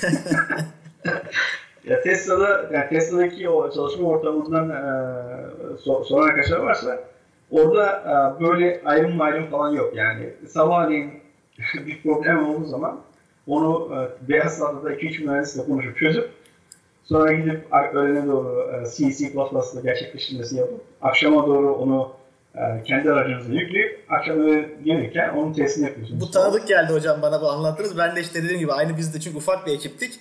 Ee, hani akşamları böyle çıkıp elimde otopilot kutusuyla hani anten beni takip ediyorum diye test yaptığımı hatırlıyorum yani o zamanlar. Yani e, bu da burada dediğim gibi tamamen şeyle ilgili. E, çalıştığınız sektörün e, ürün çıkartmak istediği alandaki rekabetle ilgili. Yani bir işin olması gereken şeklinde yapılması var mesela işte tasarla analizi yap, e, ne bileyim işte ön, ön test prototiplerini yap, sonra production'a geç. Ama bu dedim çok uzun, çok e, zaman alan bir şey. Dolayısıyla böyle e, hızlı, e, hızlı ürünü çıkarmak zorunda kalan firmalarda bu, dediğim aylık roller genelde bir kişiyle toplanıyor ya da bir, bir, birkaç kere toplanıyor. Ve çoğu işte kendi başında yapmanız lazım. Dolayısıyla e, keşke yani ben sadece bir alanda bir bilgim olsa, bir, bir uzmanlığım olsa orada sadece o iş yapabileceğim bir iş olsa ama genelde e, yeni geldiği zaman farklı şapkaları giymek zorunda kalabiliyorsunuz. Evet. Um, yani Tesla'dayken mesela e, 2018'in Aralık ayındaydı. İşte son hafta yeni yıla gireceğiz. Orada yıl bitecek işte araba satışlarıyla ilgili çok büyük bir şey var, yoğunluk var. En son ya firmadaki herkes gelsin araba dağıtımına yardımcı olacaksınız falan filan. Ben araba falan dağıttım yani şey e, e, otopilot e, takımdayken yani hem otopilotun yazılımını da yaparsın hem testini de yaparsın gerekirse arabayı roket testini de Alıp arabayı bir sürü şöyle çıkabilirsin. yani or, ortamlarda genelde bazen iş yoğunluğundan dolayı farklı roller e, yapmak evet. mümkün. Çok tanıdık geldi hocam bu anlattığında zaten bana. Yani, genelde ARGE yapan e, kurumlarda e, işler genelde bu şekilde yürüyor. Yani çok fazla böyle bir çok fazla rigid bir e, organizasyon yani Aslında yok şöyle yani. görülüyor genelde hani büyük firmaların görülür ya böyle fabrikası 5 bin kişi çalışır, 10 bin kişi çalışır. Aslında ARGE işlerinde her zaman çok çekirdek bir kadro aslında bir şey üret, tasarlıyor. Hani üretim çok insan gerektiren bir şey aslında. ARGE genelde gördüğümüz birçok ürün aslında belki 5-10 kişilik, 20 kişilik ekiplerce ortaya çıkarılıyor Doğru. başta. Doğru. Ya çünkü o yapılan kısım çok yüksek teknik bilgi olduğu için yani yüksek teknik seviye bilgi eklediği için öyle insana yetişmesi de e, çok fazla zaman alıyor. Ki öyle insana çok fazla yok yani iş açısından. Yani doktorayı bitirecek, e, şu ne bileyim otonomiye tecrübesi olacak falan. E, yani kariyerinde ilerlemek isteyen arkadaşlar için dediğim gibi ya böyle e, generalist deniliyor mesela. Yani ben sadece C, C++ yazılım geçmişi olacağım. Bazen e, network e, firmasında çalışacağım. Bazen işte şu e, otomobil firmasında çalışacağım. Bu arkadaşlar mesela e, programlama, yazılım bildikleri için mesela farklı sektöre giriş yapabiliyor. Veya ben iyice bir uzman olup ne sadece e, kontrol mühendisliği yapıp deyip sadece belli bir alanda çalış, e, çalışacağım diyebilirsiniz. E, generalist olduğunuz zaman e, çalışmaya çalışabileceğiniz birden fazla firma var. Fakat e, yaptığınız bilgiler hani genel bir şey olduğu için yani herkes C, C++ kendi başına öğrenebilir. E, çok fazla nasıl diyeyim, yani lisansı bitirirsiniz sonra o, o konuda uzmanlaşırsınız. Dolayısıyla o alanlarda çalışan insanlar da çok olduğu için iyi bir rekabet var. Gerçi açısından. Yani hem çok fazla firmalar çalışabilme imkanınız var ama bu sefer e, o sizin sahip olduğu yeteneklere sahip birden fazla insan var. Dolayısıyla orada bir rekabet var. E, uzmanlaşmaya çalıştığınız zaman da e, sizin kadar seviyede teknik bilgi bilen yok ama bu sefer çok küçük bir alana e, tıkı, e, kısıtlı kaldığınız için o alanda çok fazla iş yok. Yine iyi bir rekabetçi var. Yani dolayısıyla e, yani çok böyle e, kesin bir e, kariyer için çok kesin bir reçete veremem. Yani sonuçta her gittiğiniz alanda da isterseniz yani dikine uzmanlaşın, isterseniz yatay yatay uzmanlaşın. Yine bir, bir şekilde bir rekabet olabiliyor, olabiliyor o alanlarda. Evet, her şeyi yüzde yüz planlayamıyorsunuz kariyerinizde de zaten. Yani.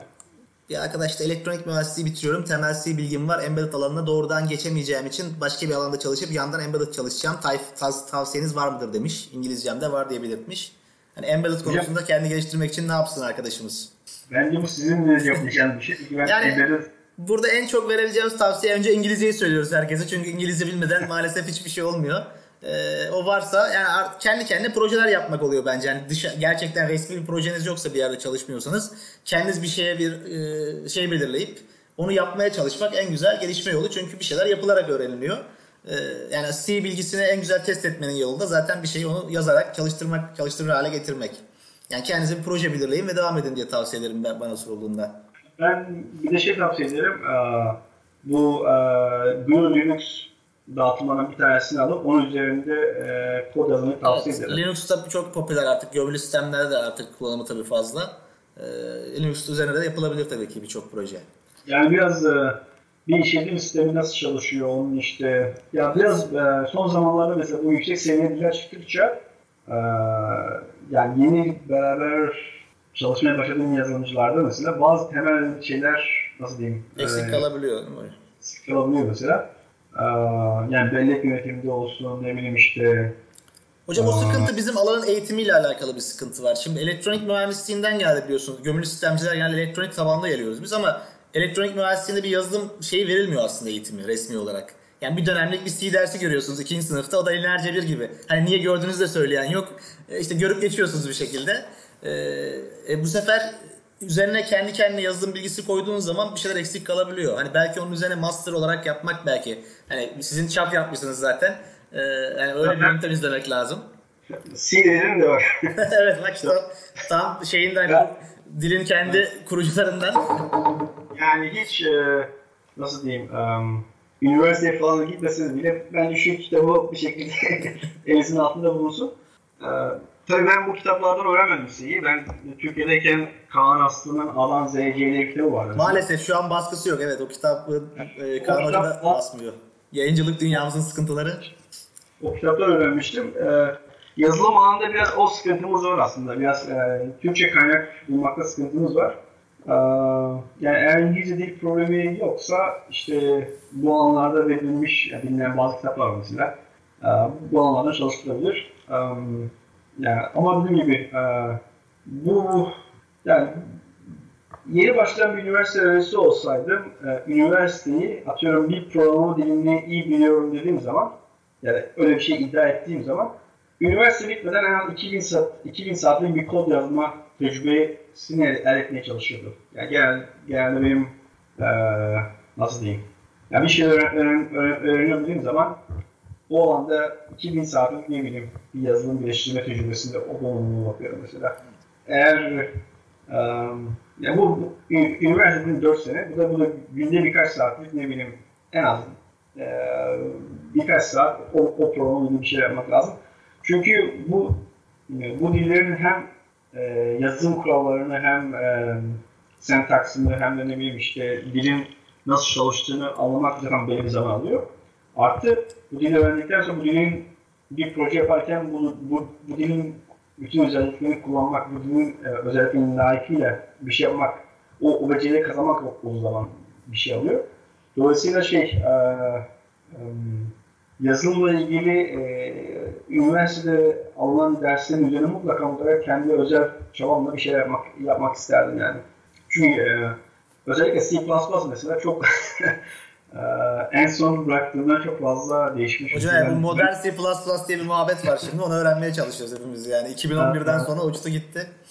Yani e, özellikle yazılım alanı çalışırken mesela öğren, üniversitede öğrendiğiniz şeyler zamanla içerisinde eskiyebiliyor. Dolayısıyla sürekli e, öğrenmeye açık olmak lazım. E, öğrenmeye açık olmayan arkadaşlar da ya da yöneticilik alanında kaybediyor. Devam edebilirler. Şaka, işin şakası da yani demek istediğim e, yazılım alanında sürekli bir e, yenilemek lazım. Evet. Yenilemek lazım ve bu e, bu sürekli devam edebilen bir süreç yani. Sonu yok hocam yani sürekli ders çalışmak zorundayız maalesef. Evet. Hocam İTÜ'deki kontrol mühendisliği öğrenciler için ne tavsiye edersiniz? Sizin bölümden geldi soru. Spesifik bölüme özel. Aa, Hangi kantinden tost yesinler hocam? En güzel tostlar nerede yapılıyor? yani e, Nisan ayında zaten içi, içinde bir robot olimpiyatlarda bir organizasyon var. Zaten geleceğim Nisan ayında. Ha, onu duyurusunu yapmış olalım burada o zaman. Nisan ayında Oktay hocamızı görebilirsiniz İTÜ'de. Orada belki bir görüşme şansına sahip olurum arkadaşlarla. E, genel olarak um, ben mesela kontrol bölümüne başladığım zaman uh, um, o, orada mesela bizim birinci sınıfta kontrol mühendisliği girişte ders vardı. Orada mesela robotik sistemlerden, havacılık sistemlerinden, ne bileyim işte e, nükleer reaktörlerden, onun hepsinin kontrolü, kontrolünden bahsediyor. Yani genel olarak e, ben bölümdeki e, ilk dersi alınca ya biz her şeyi yapacağız falan gibi bir e, şey, bir, nasıl diyor, bir gözümde o şekilde bir e, portre çizilmişti. Fakat e, uzun vadede bir alanda uzmanlaşmak lazım. Yani e, araç kontrolü mü yapacaksınız, robot kontrolü mü yapacaksınız, havacılık ve... Ama hocam uzmanlaşma da hep o soru geliyor arkadaşlardan, öğrenci arkadaşlar. Nerede uzmanlaşıyor? Öğrenciyken de uzmanlaşabilmek zor tabii yani öğrencilik hayatında, demek lisansta. Demek istediğim mesela eğer birinci sınıfın sonunda, ikinci sınıfın sonunda ben bu alanda çalışmak istiyorum dediğiniz zaman o alanla ilgili mesela e, e, mesela ben bu insan savaşları üzerine çalışacağım karar ver, verdiğimde 2006-2007 yılında, yılında yani üniversiteyi bitirmiştim, lisansı bitirmiştim. Sonra dönüp baktığımda hiç mekanik sergi ders almadığımı fark ettim. ya bu dersleri neden alacağız falan. Bu dersleri versem bu çok güzel fakültesinde veriliyormuş. Sonra baktım seçmeli derslerde e, varmış ama ben daha çok başka atıyorum güç elektron dersini seçmişim olan yerine falan. Ve demek istediğim e, çalışmak istediğiniz alanı belirledikten sonra bazen o, onunla ilgili ekstra ders almak lazım o dersleri de genelde o bölümün olduğu fakülteye gidip oradaki hocalardan almak daha mantıklı. Ee, bunun dışında e, yani lisansı bitti, lisansı bitir, bitirdikten sonra yani lisan, C ve C++ bilmeden elektrik elektronik fakültesine ayrılmadım onu söylüyorum. evet, onu da ben de söylüyorum çünkü elektronikte de özellikle çünkü artık bir donanımı çalışır hale getirmek demek sadece bir sadece donanım devreden ibaret değil. İlla ki bir çip var onu programlıyorsunuz. Hani kod yazmadan da bu olmuyor bir şekilde. Yani o kontrol bölümündeki o öğretilen e, teorik dersler en nihayetinde bundan bir şekilde yazılıma dönüşüp gerçek bir sistemin çalışması lazım. Gerçek sistemler için e, bu sefer lojik devreler, ne bileyim işte e, bilgisayar mimarisi falan bu şeyleri bilmek lazım. Yani o bellektir, e, o işte ne bileyim veri yoldur, ona nasıl, ne anlama geliyor, ADSM nasıl yapılıyor falan onu bilmek lazım. Onun dışında onun üzerine çalışacak yazılımı geliştirmek lazım. E, yazılımı bu sefer e, yani normal e, bir proje çözerken çok basit bir şekilde yapabilirsiniz. Belki karmaşık bir çok iyi olmaz. Ama veri yapıları falan biliyorsanız ne bileyim işte onun uygun veri yapıları kullanaraktan daha etkili hale getiriyorsunuz. Dolayısıyla veri yapıları bilmek lazım. E, veri yapıları bilince bu sefer A veri yapısı diğer veri yapısından nasıl iyidir, nasıl kötüdür falan için algoritma bilmek lazım. Dolayısıyla biraz böyle e, yani yüzünüzün bir kısmı böyle biraz bilgisayar bilimlerine, biraz yazılım e, alanına falan bak, bakması iyi olabilir diye düşünüyorum genelde. Çünkü e, nihayetinde tasarladığınız o kontrol sistemleri olsun, yazılımlar olsun, onların birisinin yazması, yazması gerekecek. E, hem kontrol bilen hem bilgisayarı bilen kişiler biraz daha kıymetli oluyor. Yani benim gördüğüm Ve ben şu ana kadar şunu söyleyeyim, ben hiçbir işimi kontrol alanları ya da ne bileyim e, yani kontrol mekanik ya dinamik bildiğim için almadım. Hep iyi bir yazılımcı olduğum için oldu. Hocam bir arkadaş da sormuştu. Kontrol bölümünde çok fazla elektronik temelli ders var. Burada üretilen bilgiler sektörde fayda sağlıyor mu? Özellikle sizin gibi otopilot mühendisi bakış açısından soruyorum demiş. Aslında cevap verdiniz birazcık. Hani elektronik de var işin içinde. Çünkü sonuçta bir devreye girecek o teori ve bir yazılımla çalışacak. Yani e, şöyle söyleyeyim. E, eğer siz bir yazılımı atıyorum böyle e, normal bir desktop'ta ya da ne bileyim masaüstü normal bir yapı yazacaksınız mesela çok fazla iş, işin donanım kısmına uğraşmıyorsun. Ama yazdığınız bir şey mesela çok böyle spesifik bir sistemse bu sefer oradaki işlemcinin nasıl çalıştığını, oradaki işte ne bileyim e, atıyorum bir kamera bağlayacaksınız. O kameranın sürücüsünün yani driver'larını sizin yazmanız lazım falan. E, bu tamamen dediğim gibi yapılan uygulamaya bağlı bir şey. E, yani elektronik derslerin iyi ol, çok olması kötü değil. E, ama e, yazılım bilmek lazım ve üniversitede alınan işte Introduction to Computing falan o 1101 falanlar yeterli olmuyor. Yani yetmiyor hocam evet o maalesef yetmiyor. Bir, bir dönem 15 hafta o 3 kere bir derse 45 saattir zaten. Hoca genelde 2 saat blok yapıp son 1 saat Hocam o dersin tam bir faydası olmuyor. Yani yeterli değil. Verilmesi de bir zararı şu oluyor. Hani insanlar eğer sonra açıp bakmazsa C'nin ne olduğuna tam olarak o aldıkları derste gerçekten C biliyorum da zannedebiliyorlar. Ben o sıkıntıyı şurada yaşadım. Türkiye'de ben çünkü son birkaç yıldır eğitim veriyordum hani şirketlere. Ee, ve eğitim talepleri genelde işte mikro denetleyici programlama, daha doğrusu ARM programlama diye geliyordu. Yani son model işlemcileri programlamak üzerine eğitim talebi geliyor. Ama bunu öğretmek için birine o kişinin önce C bilmesi lazım. Temelde biraz mikro denetleyici bilmesi lazım. Şimdi her sorduğumda da ekiplere yani nasıl ekibin durumu C biliyor mu herkes falan. Herkes tabi İngilizce gibi biraz bu konu. Hani C biliyor herkes. Niye? Çünkü üniversite herkes biraz for görmüş, if görmüş. Ama e, bizim o eğitimlerdeki konuları tam yapabilmek için işte burada işaretçileri de bilmek gerekiyor. Fonksiyonları iyi bilmek gerekiyor. Yani bilmemiz gereken kısım okulda öğretilen kısmın 3-5 katı. Hani o öyle bir sıkıntıya yol açıyor bu derste bu sefer. Hani onu gören ben biliyorum dayısına kapılabiliyor C'yi. Ya aslında ben şunu biraz düzelteyim. Ee, yani C, C++ dedi de ben aslında burada benim bahsetmek istediğim şey e, e, programlama paradigmalarını bilmek. Yani evet. mesela e, prosedürel programlama paradigması var. Bir de nesne yönelimli programlama paradigması var. Şimdi nesne yönelimli program paradigmasını öğrenebilirsiniz. Bu için mesela bir programlama değil, mesela Java olabilir, C Sharp olabilir, C++ olabilir. Yani ben burada spesifik bilgi vermek istemiyorum. Ee, bu um, prosedürel programlama içinde mesela C, C Fortran, ne bileyim herhalde eski diller falan geçiyor. Fortran hala öğretiliyor falan. evet maalesef bazı yerde hala Fortran hatta Pascal falan öğretiliyormuş diye duyuyoruz. Yani de, de, demek istediğim e, bu iki paradigmayı bilmekte fayda var. Yani prosedürel programlama ve nesne yönelimli programlama. Ben sadece e, biraz otonom sistemler ve e, bu e, kontrol işi yaptığım için ve o alanda en çok C ve C++ ikilisi e, kullandığım için. Ama bunların, bunlar aslında temelde çok farklı bilgiler. Evet, yani felsefeleri birisi, farklı. Yani birisi prosedürel programlama değil, diğeri de nesne yönelimli programlama değil. E, bence okuldaki dersler bu iki e, kavramı falan vermeye yönelik. Yani prosedürel programlama nedir? Nesne yönelimli programlama nedir? İşte nesne yönelimli programlama e, kavramını anlatırken mesela orada bir tane programlama dili bir araç olarak kullanıyorlar.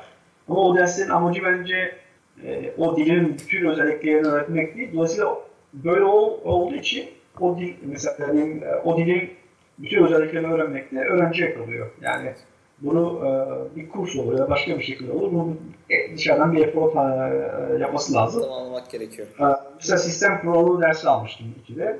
Orada mesela sistem programının ne olduğunu biliyorum ama hiçbir zaman mesela bir Linux'un o bütün o sistem programıyla ilgili detaylarını falan e, göstermemişler. Çünkü bir dönem dediğim gibi çok uzun bir süre değil yani 15 hafta 3 saat ders olsa bile 45 saat zaten son hafta final olur. 2 saatimiz olur falan. O 40, 40 saatlik falan bir şey. Yani 40 saatlik bir konu hakkında sadece fikir sahibi olursunuz ama onun hakkında e, öğrenmek için, detaylar öğrenmek için yani en az en az 150-200 saat falan e, kullanım, yani zaman harcamak lazım ki C++ şu anda mesela büyüdü. evet hocam yani ben en son hatta kitap aldım arkadaşlara tanıttım o kitabı. Hani e, modern C++ diye tekrardan bir öğrenmemiz gerekiyor birçok şeyi. Evet yani çünkü e, dillere yeni araçlar ekleniyor ve dil, diller de gelişiyor. Dolayısıyla e, lisanstan sonra ya da bir e, profesyonel hayatta çalıştıktan sonra sürekli e, ya kullandığımız araçları falan e, şey yapmak lazım, güncellemek lazım, kendimize ekmek lazım. Bir de şunu söylemek lazım belki arkadaşlar yani söylediniz zaten hani okuldaki dersler aslında birçok şey fragmanı diyebiliriz yani aslında onun üzerine sizin yani 4-5 kat e, öğrenmemiz lazım. Evet hocam sorulara bakıyorum tekrar. Ee, embedded sistem alanında çalışmak için elektronikte nelere hakim olmak gerekli? Elektronik kısmını açar mısınız demişler. Yani tabii hocam isimler de çok genel tabii embedded diyoruz ama şimdi onun altında donanım var, yazılım var. Yani o kadar veya farklı sektörlerin uygulamaları var.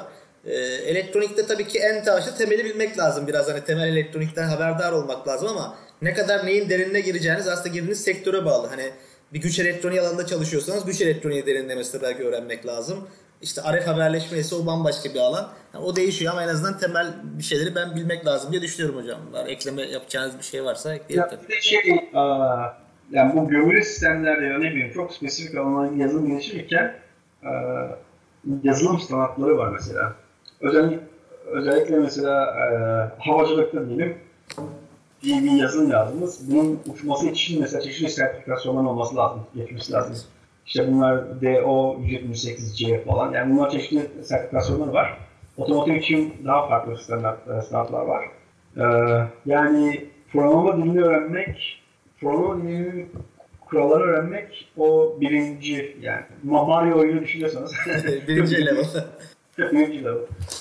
Daha sonra programlama diliyle ilgili uzman bir şekilde o programlama dilinin yetenekleri tam olacak şekilde bir uygulama geliştirmek o ayrı bir seviye. Bölüm sonu canavarı var değil mi hocam bir de sonunda? Böyle bir iş, iş, iş yetiştirmek lazım falan, release yetiştirmek. Canavarı bence bu e, sertifikasyon kurumları. yani normalde diyelim bir e, insan server tasarladığınız zaman onunla ilgili yazılımlar yazıyorsunuz mesela. Özellikle mesela bu e, sivil bir havacılıksa mesela yani projeye giriş diyorsunuz, bitiriyorsunuz. Daha sonra bir 3-4 senelik sertifikasyon süreci var. Yani bu yazdığınız kod e, e, güvenlik kod yazmak kriterlerine uygun olarak geliştirildi mi? Kodun e, te, şu testleri var mesela, onu geçiyor mu falan diye. Onunla ilgili bir sürü e, görüşmelerin yapılması lazım. E, uzun vadede diyelim eğer belli bir alanda uzmanlaşmak istiyorsanız o alandaki e, sertifikasyonla ilgili bilgi sahibi olmak lazım. Yani bu sertifikasyonla kalsın böyle sertifika falan değil yani bir kod yazıyorsunuz. Diyorsunuz ki ben bu koddan beklentilerim şu şu şu şu yani spek, spek, spesifikasyonu diyorsunuz. Daha sonra gerçekten bu kodun o yaz, yazdığınız şeyin yapı yapmadığını doğrulamanız lazım. Yoksa e, kimse sizin işte yazdığınız kodu hemen bir araca koyup da gökyüzüne uçurmanıza izin vermiyor. Evet. yani o bayağı bir uzun, uzun, uzun bir süreç. Otomotivde süreç biraz daha farklı.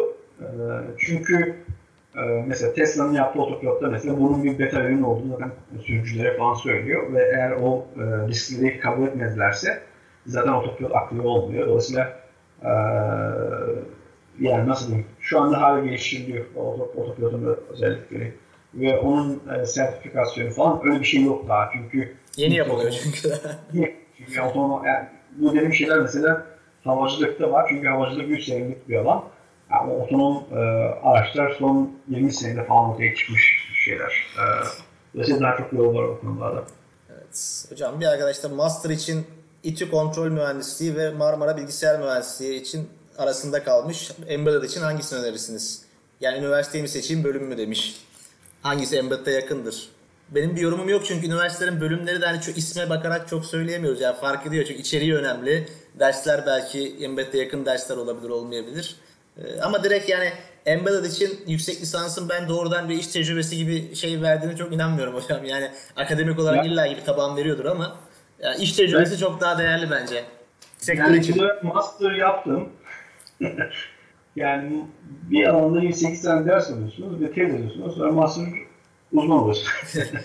ama e, sektörde genelde e, yani daha fazla daha farklı araçlar e, nasıl diyeyim daha farklı araçlar kullanılıyor. Dolayısıyla e, üniversite biraz daha çok böyle teorik alanda bir eksikliğiniz varsa orada size fikir verebiliyor. Ama onun dışında teknik becerileri falan hep endüstride üzerine çalışan projelerden elde ediyorsunuz. Yani özellikle e, buradaki yazılım firmalarında yani kimse size eğitiminiz, diplomanız var diye para vermiyor.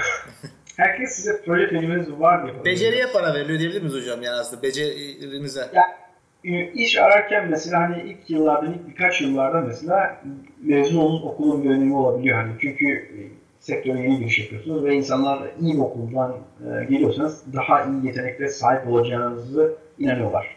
Dolayısıyla iyi bir okuldan mezun olmak iyi ama daha sonra e, alanında 5 sene, 6 sene ya da ne bileyim 10 sene çalıştıktan sonra kimse size hangi okuldan mezunsunuz diye bakmıyor. Daha evet, hocam, onu ben de şimdi şey yaptım. Yani işte, Türkiye'de de yaşamıştım bunu. Bir gün başka bir firmada çalışıyorum. Yıllar sonra işte Baykar'dan aradılar. Sizin diplomanız kayıtlarımızda görünmüyor ya. Bir gönderir misiniz falan. İnsan kaynakları departmanı kurulmuş sonradan. hani bakmamışlar ya. Şimdi güven de vardı tabii ki aramızda. E, şimdi mesela buraya geldim.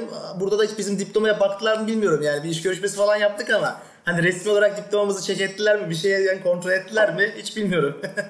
yani dediğiniz gibi belli bir yerden sonra iş tecrübeniz artık ön plana çıkmaya başlıyor. Yani kimse nereden mezun ettiğinize bakmıyor bile.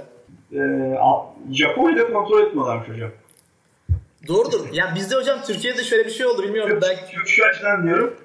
Çünkü e, ben e, İTÜ'deyken 2005-2000 yılları arasında bir tane e, Japonya'dan bir profesör, Tokyo Üniversitesi'nden bir profesör gelmişti falan. Meğerse onun e, özgeçmişinde bayağı e, asılsız ifadeler varmış. E, daha sonra büyük skandal oldu falan. E, Tokyo Üniversitesi'nin verdiği doktor belgesini geri aldı, bilmem ne oldu falan. E, rektör açıklaması ya biz insanlar güveniyoruz. İnsanlar özgeçmişlerini biz ben bunu bu, bu şeyleri biliyorum, ben bu konularda derecem var dediği zaman biz genelde doğru kabul ediyoruz. Çünkü bütün şeyler yalan söylenmemesi gerekli şeyler. Çünkü bunların e, karşılık bulması çok kolay bir şey. Yani insan her ki bu, bu zamanda niye böyle bir şeyler yapsın diye. Dolayısıyla e, insanlar genelde hani üniversite diploması olması iyi bir şey. Ama dediğim gibi bu iş ararken ilk, ilk birkaç senede mesela e, görüşülür. Ama ondan sonra kimse size işte ÖSS derecenizmiş, işte lisan ortalamasınızmış, yok bilmiyorum mezun okulmuş diye ona, ona, ona bakarak iş vermez eğer size öyle bu şekilde işi veriyorsa zaten büyük ihtimalle onlar o işi bilmiyorlar. Hocam bir de Japonya'daki olayın benzeri Türkiye'de de yaşandı bir dönem. Bir büyük kurumumuzda e, işte TÜBİTAK'ta hani bir daire başkanının galiba hani bilgisayar mühendisliği diplomasının sahte olduğu ortaya çıkıyor. Sonrasında artık YÖK'te başladı. Artık E-Devlet'ten kontrol edebiliyor diplomalarınız. Hani kayıtlara geçip oradan bir kontrol mekanizması konuldu. Yani dediğim gibi e, Türkiye'deki ile Amerika'daki akademik ortamı karşılaştırdığımda mesela yani sınava giriyorsunuz. Önce öğrenciler birbirlerine uzak durma oturtuyorlar. Çünkü insanlar kopya çekemiyor diye. Sonra onun başlarına gözetmen koyuyorlar. Sonra gözetmen belki o öğrenciyle anlaşmıştır diye gözetmen gözetici başka bir mekanizma yapıyorlar. Bunun sonu yok. Ya biraz işin e, etik boyutu da var. Bence. Hocam evet, etik konusunda bazı sıkıntılarımız var Türkiye'de bence. Yani o konuda evet. O konularda biraz e, e, nasıl diyeyim biraz daha gelişmesi lazım aslında bazı şeyler. Evet. Hocam İTÜ'de kontrol mühendisliği arkadaşlar Amerika'ya gelirlerse yazın sizi görme şansları olur mu? Onu soruyorlar. İş yerinizi ve çalışma ortamınızı ziyaret etme şansımız var mı? Bu arada şu an çalıştığınız yerden çok bahsetmedik galiba. Airbus'a bağlı bir iştirak galiba bildiğim kadarıyla. Airbus'un iştiraki. Airbus'un Silikon Vadisi'nde e, Innovation Office diye bir ofisi var. Burada havacılığa yönelik otonomi projelerini geliştiriyor. Ee, tabii buradaki e, işler biraz daha uzun soluklu. Ya, Airbus'un ürettiği uçaklar var, e, ticari uçaklar. E, mesela bunlara otonomiyle ilgili yeni yeni özellikler eklemek istiyorlar. Mesela bunlardan bir tanesi e, bu dronlar mesela yaygınlaştı. Özellikle e, havaalanlarının yakınlarında eğer dronlar varsa mesela e, uçaklar için büyük tehlike arz ediyor. İşte bunların üzerine bir e, kamera sistemi, işte bir görüntü işleme e, yazılımları koyaraktan acaba biz bu e, havaalanı civarındaki işte droneları bulabilir miyiz? Bunlar işte eğer tehlike çok yakınsa mesela bunlar bunları işte pilota uyarı şeklinde verebilir diye mesela çeşitli otonom özellikleri var. Bunun dışında e, kendilerinin geliştirdiği bir e, uçan e, taksi projesi var. 3 e, senede mesela e, elektrikli bir e, dikey kalış yapabilen e, taksi geliştirmişler. E, yine aynı şekilde e, bunlar geleceğe yönelik. İnsanlar mesela Türkiye'de mesela geleceğin meslekleriyle ilgili sürekli bir e, tahminlerde bulunuyor. O, ona da değineceğim biraz. E, burada insanlar tahmin yapmaktan yerine o gelecekleri kendileri iş, inşa ediyorlar. Dolayısıyla... Piyango beklemiyorlar yani. Hangi mesleğe piyango vuracak? burada mesela önümüzdeki birkaç sene içerisinde e, birkaç sene mi önümüzdeki senelerde e, uçan taksilerin yoğunlaşacağını, işte öyle bir iş sahasının aşılacağına inanıyorlar. Problem şu, e, çok fazla yetişen pilot yok. E, dolayısıyla e, düşünün mesela şu anda mesela e, belli bir hava yolu trafiği hacmi var. Siz uçan taksilere koyduğunuz zaman bu kadar aracı üretseniz bile bunları operate e, bunları çalışır hale getirecek pilot sayısı yok. Çünkü pilot kolay yetişmiyor. Dolayısıyla bunu otonom hale getirmek büyük bir ihtiyaç. Dolayısıyla e, Airbus'un kendi içerisinde o uçan taksiyle ilgili projeleri var ve bunlarla ilgili otonomi yapan, otonomi deneyimli olan e, mühendislere ihtiyacı var. Dolayısıyla ben de o tarz projelerde çalışıyorum. Ve daha önce dediğim gibi otonomi üzerine çalıştığınız zaman bir yer aracı, bir hava aracı, işte bir e, e, uzay aracı arasında hani mekanik olarak farklı olsa bile e, yazılımsal açıdan çok büyük farkları yok. Hepsinin yazılım mimarisi özünde e, benzer. Dolayısıyla bazı öğrenci arkadaşlarım şey soruyorlar işte hem uzaya alanı çalışıp oradan otomotivi, oradan havacılığa falan nasıl geçiliyor falan. Yani dediğim gibi ben e, biraz o domenlere aşinayım. Biraz da değil yazılım geliştiriyorum genelde. Ve bunlar e, mesela ben aerodinamik bilmiyorum mesela uçağın aerodinamiğiyle ilgili nasıl nasıl uçağı hiçbir bilgi sahibi değilim. Ama e, benim yazdığım yazılımlar mesela o kadar derin bir aerodinamik bilgisine ihtiyaç duymuyor. Onlar mesela başka mühendisler tarafından yapılıyor mesela. O tasarlanıyor. Veya ne bileyim mesela ben işten yanan motor ya da elektrik motor nasıl çalıştığını çok detaylı bilmiyorum. Ama benim katkıda bulunduğum seviye sadece yazılım seviyesinde. Ee, o aradaki arayüzü düzgün şekilde oluşturduğu zaman e, bu farklı alanlarda e, çalışma şansına sahip olabiliyorsunuz. E, Airbus'un projeleri dediğim gibi daha çok hem kendi geliştirdikleri e, otonom, tam otonom taksileri var hem de hali hazırdaki filolara mesela çeşitli e, otonom özelliklerini eklemek için geliştirdiği projeler var. İşte ben bunun içerisinde biraz takılıyorum. E, e, Airbus Fransız firması olduğu için yani Merkez Avrupa'da olduğu için buradaki Silikon Vadisi kültürüne de biraz aşina olmaya çalışıyor. E, ofislerin burada açmasının nedeni e, otonomiyle ilgili şeyler yapmak istiyorlar. Otonomiyle ilgili çalışan insanlar çoğu da Silikon Vadisi'nde. Silikon Vadisi'ndeki insanlar Fransa'ya, Avrupa'ya gitmiyor. Onlar, onlar da oraya geliyor. onlar orada çalışıyorlar. Genelde böyle e, merkezi Amerika'da olmayan bir sürü firma var mesela burada. Onların e, Silikon Vadisi ofisleri var. Tamamen diyorum ya insan kaynağı bu teknoloji arge alanı çok e, kıymetli. O insan kaynağını mesela kendi ülkelerine çekemiyorlar. E, ama onun yerine böyle bir ofis kurup e, onları iş alıp onların tecrübelerini işte bu e, bu şekilde e, kendi ülkelerine götürmeye çalışıyorlar. Yani ne bileyim Samsung'un ofisi var, işte Mercedes'in, BMW'nin, her, her birinin ofisi var. Yani bu, oradaki bazı insanlar da bazen e, Silikon Vadisi'ne geliyor e, buradaki çalışma görmek için. E, genelde dediğim gibi e, yani işin özünde iyi mühendisleri e, bulup onları e, kendi projelerine katmak çok önemli. E, o yüzden e, Silikon Vadisi'nde bir sürü böyle uydu, uydu ofisler var diyeyim yani. Şirketin merkezi atıyorum Amerika dışında ama ARGE e, kısımları mesela burada olabiliyor bazen. Hocam mekatronik mühendisleri için bir soru gelmiş. Yani çalıştığınız yerlerde mekatronik mühendislerin statüsü neydi? Yani ne görevlerde çalışıyorlardı? Ya Türkiye'de de böyle bir şey var. Pek, anlaş e, pek anlaşılamayan bir şeydi. Mekatronik de çok anlaşılmayan bir bölüm bizim Türkiye'de. Hani çünkü arada, arada kalmış gibi görülüyor ama aslında önemli bir alan. yani bölümün bir önemi var mı öyle söyleyelim. Ya illa mekatronikçiler şurada çalışıyor, kontrolcüler burada çalışıyor diye bir şey diyemiyoruz şimdi ya da konuştuklarımızdan ya, aslında. Şu söyleyeyim mesela. Türkiye'deyken mesela ben yüksek lisansa başvururken İTÜ'de mesela bilgisayar mühendisliği bölümü vardı ve bilgisayar bilimleri bölümü vardı tamam mı? Ee, bazı arkadaşlar bilgisayar bilimlerini tercih etmiyorlar çünkü bilgisayar mühendisliği oldu. Bunun aksine fark var çünkü derslerin %90'ına aynı. İşte birincisini e, bilgisayar mühendisliğine yükseğini alırsanız yüksek mühendis olursunuz diyor. E, olsun.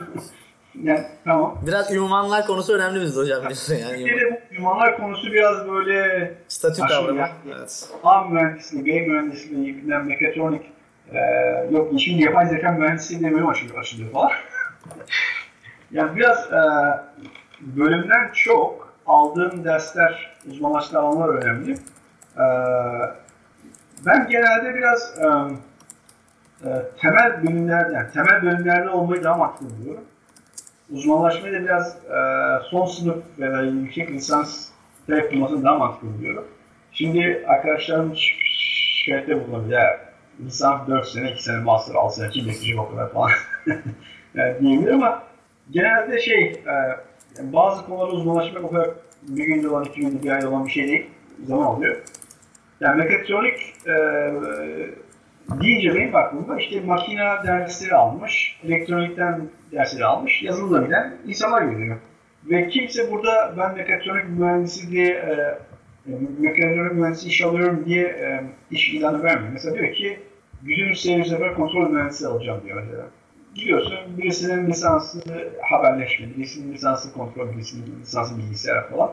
O yaptığın iş e, e, seyir sefer kontrol işi falan. Ben ne bileyim adam diyor ki e, ben e, gömülü yazılım mühendisi alacağım diyor. Kimisi bilgisayardan gelme, kimisi elektronikten gelme falan. E, dolayısıyla yani Türkiye'de böyle mekatronik mühendisi alıyorum diye ilan beklemek bilmiyorum ne kadar mantıklı. Onun yerine daha çok böyle e, tamam bu eğitim aldıktan sonra yapabileceğim, çalışabileceğim uzmanlık alanları neler? Onlar önemli. E, yani mekatronik deyince benim aklıma makine mühendisliği ile elektronik mühendisliğinden ders almış bir bölüm profili geliyor. İşte bu insanlar genelde mesela JPL'de o tarz insanlar ihtiyaç duyuyordu. E, çünkü hem e, uzay aracı tasarımından anlayan hem de onun üzerinde çalışacak elektronik sistemler tasarım, e, elektronik devreleri koyabilecek yani insanlara falan e, ihtiyaçları vardı. E, yani mekatronik 2000'lerin başında falan duymuştum. Hala bir tane problemi Hocam şey oldu biraz yani üniversite bölümlere bakarsak aslında bizim alanla ilgili bölümler 5-6 tane. Yani işte elektronik, bilgisayar, kontrol, mekatronik sayabiliriz ama iş ilanlarına baktığınızda bunların çok çok üstünde pozisyon isimleri var. Yani çünkü artık konular üniversite bölümlerinden ziyade işte uzmanlık alanlarına, çalışma alanlarına göre isimlendiriliyor. O yüzden hani kafa biraz orada karışıyor e, öğrenciyken. Çünkü yani bölüm olarak bakarsan 5 tane bölüm var. Mesela kendi alanım için konuşayım. Ben lisans ismi elektrik elektronik mühendisliği diye geçiyor. Şu an LinkedIn'e baksak elektrik elektronik mühendisi mezun olup 500 tane belki farklı pozisyonda çalışan insan vardır. Yani çünkü satın alma mühendisi diye bir şey de olabiliyor. Satın alma mühendisi işte elektrik elektronik mühendisi işte ne bileyim satış mühendisi, elektrik elektronik mühendisi işte otomasyon mühendisi, elektrik elektronik mühendisi. Yani çünkü çalışma konuları çok fazla. O yüzden artık biraz beceriler önem kazanıyor. Yani belki onu söylemek lazım. Yani dediğim gibi ya, üniversite okuduğunuz bölüm aslında sizin üniversitedeki o idari işleri yöneten bir şey. Yani sizin mezun olmamanız, dersini takip yapan bir e, yapısal bir organizasyon. Onun dışında e, belki bir konu daha çok iyileştirilebilir aslında. Mesela e, MIT'de bir sene araştırmacı, yani bir araştırmacı okumuştum. Oradaki insanlar bir bölüme bağlı olup istedikleri bölümlerden ders alabiliyorlar. Belki böyle bir şey yapılsa üniversitelerde güzel Bazı üniversitelerde var diye biliyorum bu sistem ama her yerde olmayabiliyor yani. Esnek. Sa- Sabancı'nın e, evet, Sabancı'da... çok, e, çok beğeniyorum. Hani bu e, e, doğal ve mühendislik evet. programları bölümleri var. O bölüme giriyorsunuz. Ondan sonra isterseniz mekatronikten, isterseniz bilgisayardan uzmanlaşabiliyorsunuz. Biraz bu e, bölüm tercihlerini biraz üniversiteden sonraki yıllara e, aktarabilse de çok daha iyi olur diye düşünüyorum. Çünkü e, yani lise sonrası yapan tercihler zaman içerisinde değişebiliyor. O yüzden çoğu çoğu öğrenci arkadaşım işte geleceğin mesleği diye bazı şeyler okumuşlar, duymuşlar. İşte gelecekte şu olacakmış, ben şimdiden çalışayım falan. yani e, Türkiye'de onlar tavsiyem 2000 yıl yıllarındaki gazete arşivlerine baksınlar mesela. E, oradaki geleceğin mesleğiyle ilgili haberleri falan okusunlar. Mesela oradaki hangi hangi meslekler e, öne çıkmıştı ve şu anda ne oldu falan gibisinden. Dolayısıyla dediğim gibi e, işin popülerlik kısmına takılmamak lazım biraz. E, bugün işte A mesleği çok popüler, işte gelecekte parlayacak. Onlar biraz magazinsel haberler gibi geliyor bana. Çünkü e, yani geleceği gelecek denilen yani mühendisliğe ilgili gelecek denilen şeyler böyle fal bakılıp böyle tahmin edici şeyler değil. E, buradaki insanlar çalışıyor sabah akşam. 10 tane şey deniyorlar. 9'u çalışmıyor, bir tanesi çalışıyor. O sonra gelecekte bir şey oluyor mesela. E, buradaki çalışan insanlar bile mesela e, gelecekte neyin ne olacağını falan e, kestiremiyor. Kaldı ki Türkiye'deki arkadaşlar e, bu konularda yorum yapınca ben gülesim geliyor yani. yani belki en önemli şeyden biri de hani seveceğiniz bir alan olması. Çünkü ne dedik sürekli ders çalışmanız lazım. Hani şöyle düşünsün öğrenci arkadaşlar bence. Hani bir vize akşamı 3-5 saat ders çalışmanız lazım mesela sınava o çalışma temposunu her gün sürdürebilecek kadar seveceğiniz bir alan olsun diyebilirim belki yani. Çünkü yani bu, bu yapılan işler çok zevkli olsaydı işte para verilmez herhalde. yani ee, o yüzden sevdiğiniz bir bölümü okumanın e, önemi büyük. Sevmediğiniz bir alanda çalışmak yani e, 4 sene yani 4 sene bir alanda e, istemeniz bir okulda falan okursanız falan orada bölümde çalışsanız ama ondan sonraki mezun olduktan sonra 25-30 senelik bir çalışma süreci var. Yani o e, benim hocam mesela güzel bir lafı vardı. Şey dedi, ben hem istediğim işleri yapıyorum hem işte para alıyorum falan. En güzel şey onu diyebilmek zaten evet. Yani. En güzel şey o. Ha, insanlar o yüzden bir meslek popüler diye mesela ne bileyim e, bilgisayarda kod yazmakla ilgili herhangi bir fikri olmayan bir adam gidip bilgisayar mühendisi okuduğu zaman yani biraz da biçimsel diller ve otomalar gibi bir dersi denk gelirse mesela. Her bölümün belalı dersleri var Orada mesela şey diyebilir ya ben e, Windows kursuna falan bekliyorum falan ne bileyim benim bana maskeli gibi çıkmadı falan diyebilirler. O yüzden şey e, tercih edeceğiniz bölümleri hakkında biraz bilgi sahibi olmak ve o, o bölümlere ilgi, duymak, ilgi duymak biraz aslında e, gerekli. Yoksa dediğim gibi e, sevmediğiniz bir işi bu yapmak zorunda kalabilirsiniz. Hocam saati valla Türkiye saatin 12 yaptık galiba 12'ye geliyor. Benim burada ona geliyor. Senin orada da, senin gününün yarısını bize ayırdın. Çok teşekkürler Yok. tekrar. Saat, önemli değil yani gibi. E, bugün tatil olduğu için. Evet. Biraz 3 saati bulduk neredeyse ama çok güzel bir sohbet oldu. Yani belki daha devam etsek 5 saate de gideriz. Ee, çok teşekkür ediyorum hocam. Yani hem güzel bilgiler verdik eminim arkadaşlara da faydalı olduğunu inanıyorum. Ee, hem de çok keyif aldım ben de. Ee, senin de son tavsiyelerini alalım istersen arkadaşlar için son e, dileklerin de olabilir. Nasıl istersen. Ee, gençlere tavsiyem e, işte bu liseye gidersen hayatın kurtulur, bu üniversiteye gidersen hayatın kurtulur, bu bölümü bitirirsen yere gelmez. Böyle şeyler tamamen e, biraz şehir efsanesi. Ee, lisansı bitirdikten sonra, üniversiteyi bitirdikten sonra iş hayatında her zaman sürekli çalışacağın, sürekli koşturma olacağın bir e, durumlar oluyor. O yüzden mühendisliğe ilgili e, e, mühendislik alanında bir şey yapmak isteyen, özellikle arge yapmak isteyen, ne bileyim falan çalışmak isteyenler e, kendilerini sürekli e, eğitmeye, kendilerini sürekli geliştirmeye açık olması gerekiyor diye düşünüyorum. Yoksa dediğim gibi e, bu bir, e, nasıl diyeyim, bu tempoda gitmek e, zor gelebilir. Yani başka alanlar var mesela ne bileyim 4 sene lisans eğitim aldıktan sonra çok fazla eğitim literatürü var. Sürekli aynı şeyi hayatımızda ilerlediğimiz zamanlar var. Ama mühendislik biraz daha çok böyle sürekli e, geliştirme, sürekli e, e, yeni şeyler öğrenmeye dayalı bir şey. Ve genelde çözmeye çalıştığınız şeyler e, daha önce karşılaştığınız şeyler olmayabiliyor. Sürekli yani farklı farklı şeyler olabiliyor. Ne bileyim. Dolayısıyla biraz belirsizliği, belirsiz iş ortamlarına alışkın olmak lazım. Yani işte e, kimse bana böyle bir şey söylemedi falan. böyle ilgi geldi falan diye e, yani bu tarz e, çalışma ortamından eğer hoşnut olmuyorsa pek sevinici bir alan değil. Yani Pozisyon tarifinde bu yoktu falan. yani işte biraz böyle nasıl diyeyim memur me, memur memur gibi bir iş hayatı değil yani mühendislik daha çok sürekli okuma, sürekli sürekli geliştirme ile ilgili bir sahip olduğunuz bir özellik yani bir, bir yetenek ya da bir ne bileyim bir bilgi zaman içerisinde yeni başka e, araçlara bırakabiliyor. Dolayısıyla o araçları sürekli e, öğrenmek, takip etmek lazım. Biraz böyle e, belirsizlikten hoş, e, rahatsızlık duymayan bir e, profil olmak lazım ve sürekli bir şeyler öğrenmek isteyen bir profil olmak lazım. Ee, yani öğrenme lüzumu yok. ya sürekli öğre, öğrenerek uygulamak. Yani öğrenerek yani bir, bir, bir, bir alanda bir yazılım geliştirerek, bir alanda bir ders olarak ne bileyim bildiğin şeyi kendinden daha e, alt tecrübeli bir mühendisi anlatırken mesela sürekli orada bir şeyler öğreniyorsunuz. E, bu tarz çalışma ortamlarına falan e, sıcak bakan bir yapı olmak lazım. E, yani Silikon Vadisi'ndeki genel yazılım ortamları bu şekilde. Yani başça, daha önce çalıştığım projelerde sürekli e, bilinmeyen bir proje, daha önce yapılmış bir şey, sürekli onunla ilgili e, fikir üretme, sürekli o yaptığın şeyin e, yani yaptığımız yaptığımız projelerde 10 farklı şey demiyorsak 9'u çalışmıyor mesela. E, ama o 9 çalışmıyor diye mesela e, moralini bozmamak lazım. Sabır, sabır da önemli bir şey değil mi hocam? Çok önemli. E, yani yazdığınız bir kod böyle ya işte hemen koydum çalışıyor falan diye bir şey yok. E, test ederken mesela zamanın %50'sini daha önce e, e, yazılan kodların e, hata raporlarını okuyarak geçiyorum. Ya da işte yazılan yazılımın neden hatalı çalıştığını falan ona geçiyordu.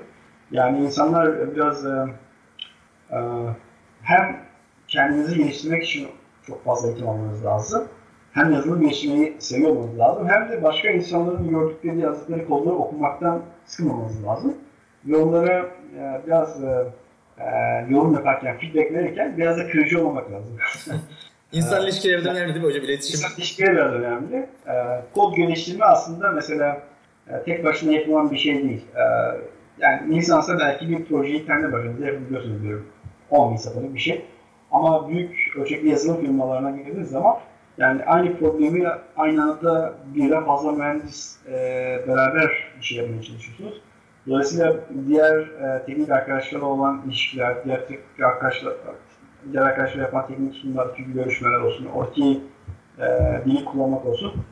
Orada e, biraz daha insan ilişkilerinden e, anlamak lazım. Yani işte bu kodda işte niye bu yapı, veri yapısını kullandık, şunu kullandık falan. Ya orada çok tartışmalar dönüyor bazen mesela. Ee, biraz e, yazılım geliştirme ortamını biraz da özgürlükçe hale getirmek lazım.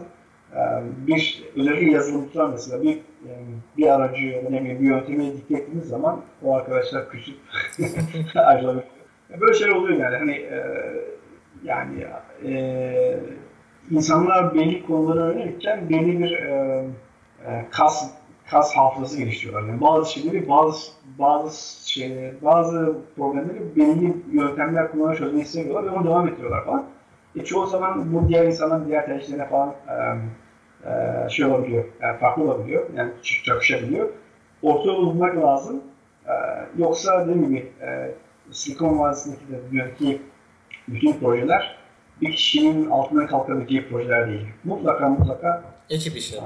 Ekip işi, takım işi ve bir proje başarılı olduğu zaman genelde o projedeki takım başarılı olur. Yani bir, bir kişinin e, kişisel başarısı değil. E, ekibinizi kuramadığınız sürece bir şey yapamazsınız e, uzun vadede. O yüzden e, hem teknik olarak kendinizi geliştirmek lazım hem de e, diğer insanlarla uyumlu çalışabilecek bir e, nasıl diyeyim kafalı olmak lazım. E, bu bu, bu iki, iki kısım e, çok önemli bence. Yani uzun vadede. çok teşekkürler hocam tekrar. Arkadaşlar size evet. teşekkürler. Ee, yani baktım hocam yani normalde yayın sonuna kadar hiç 40-45'in altına düşmedik yani. En son 41'deyiz hala saat 12'ye varmasına rağmen Türkiye'de. Ee, evet. Ratingler iyi yani.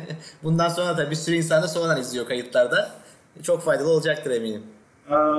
Benim e, şey e-posta adresim var ya Twitter'da ya da LinkedIn'de hesaplarım var zaten insanlar sordukları yani sorular varsa cevaplanan sorular varsa bana ulaşabilirler. Ben zaman ver verdiğince yardımcı olmaya çalışıyorum. Hocam tekrar teşekkürler. Arkadaşlar size de tekrar teşekkürler. Başka bir yayında inşallah tekrar görüşmek üzere.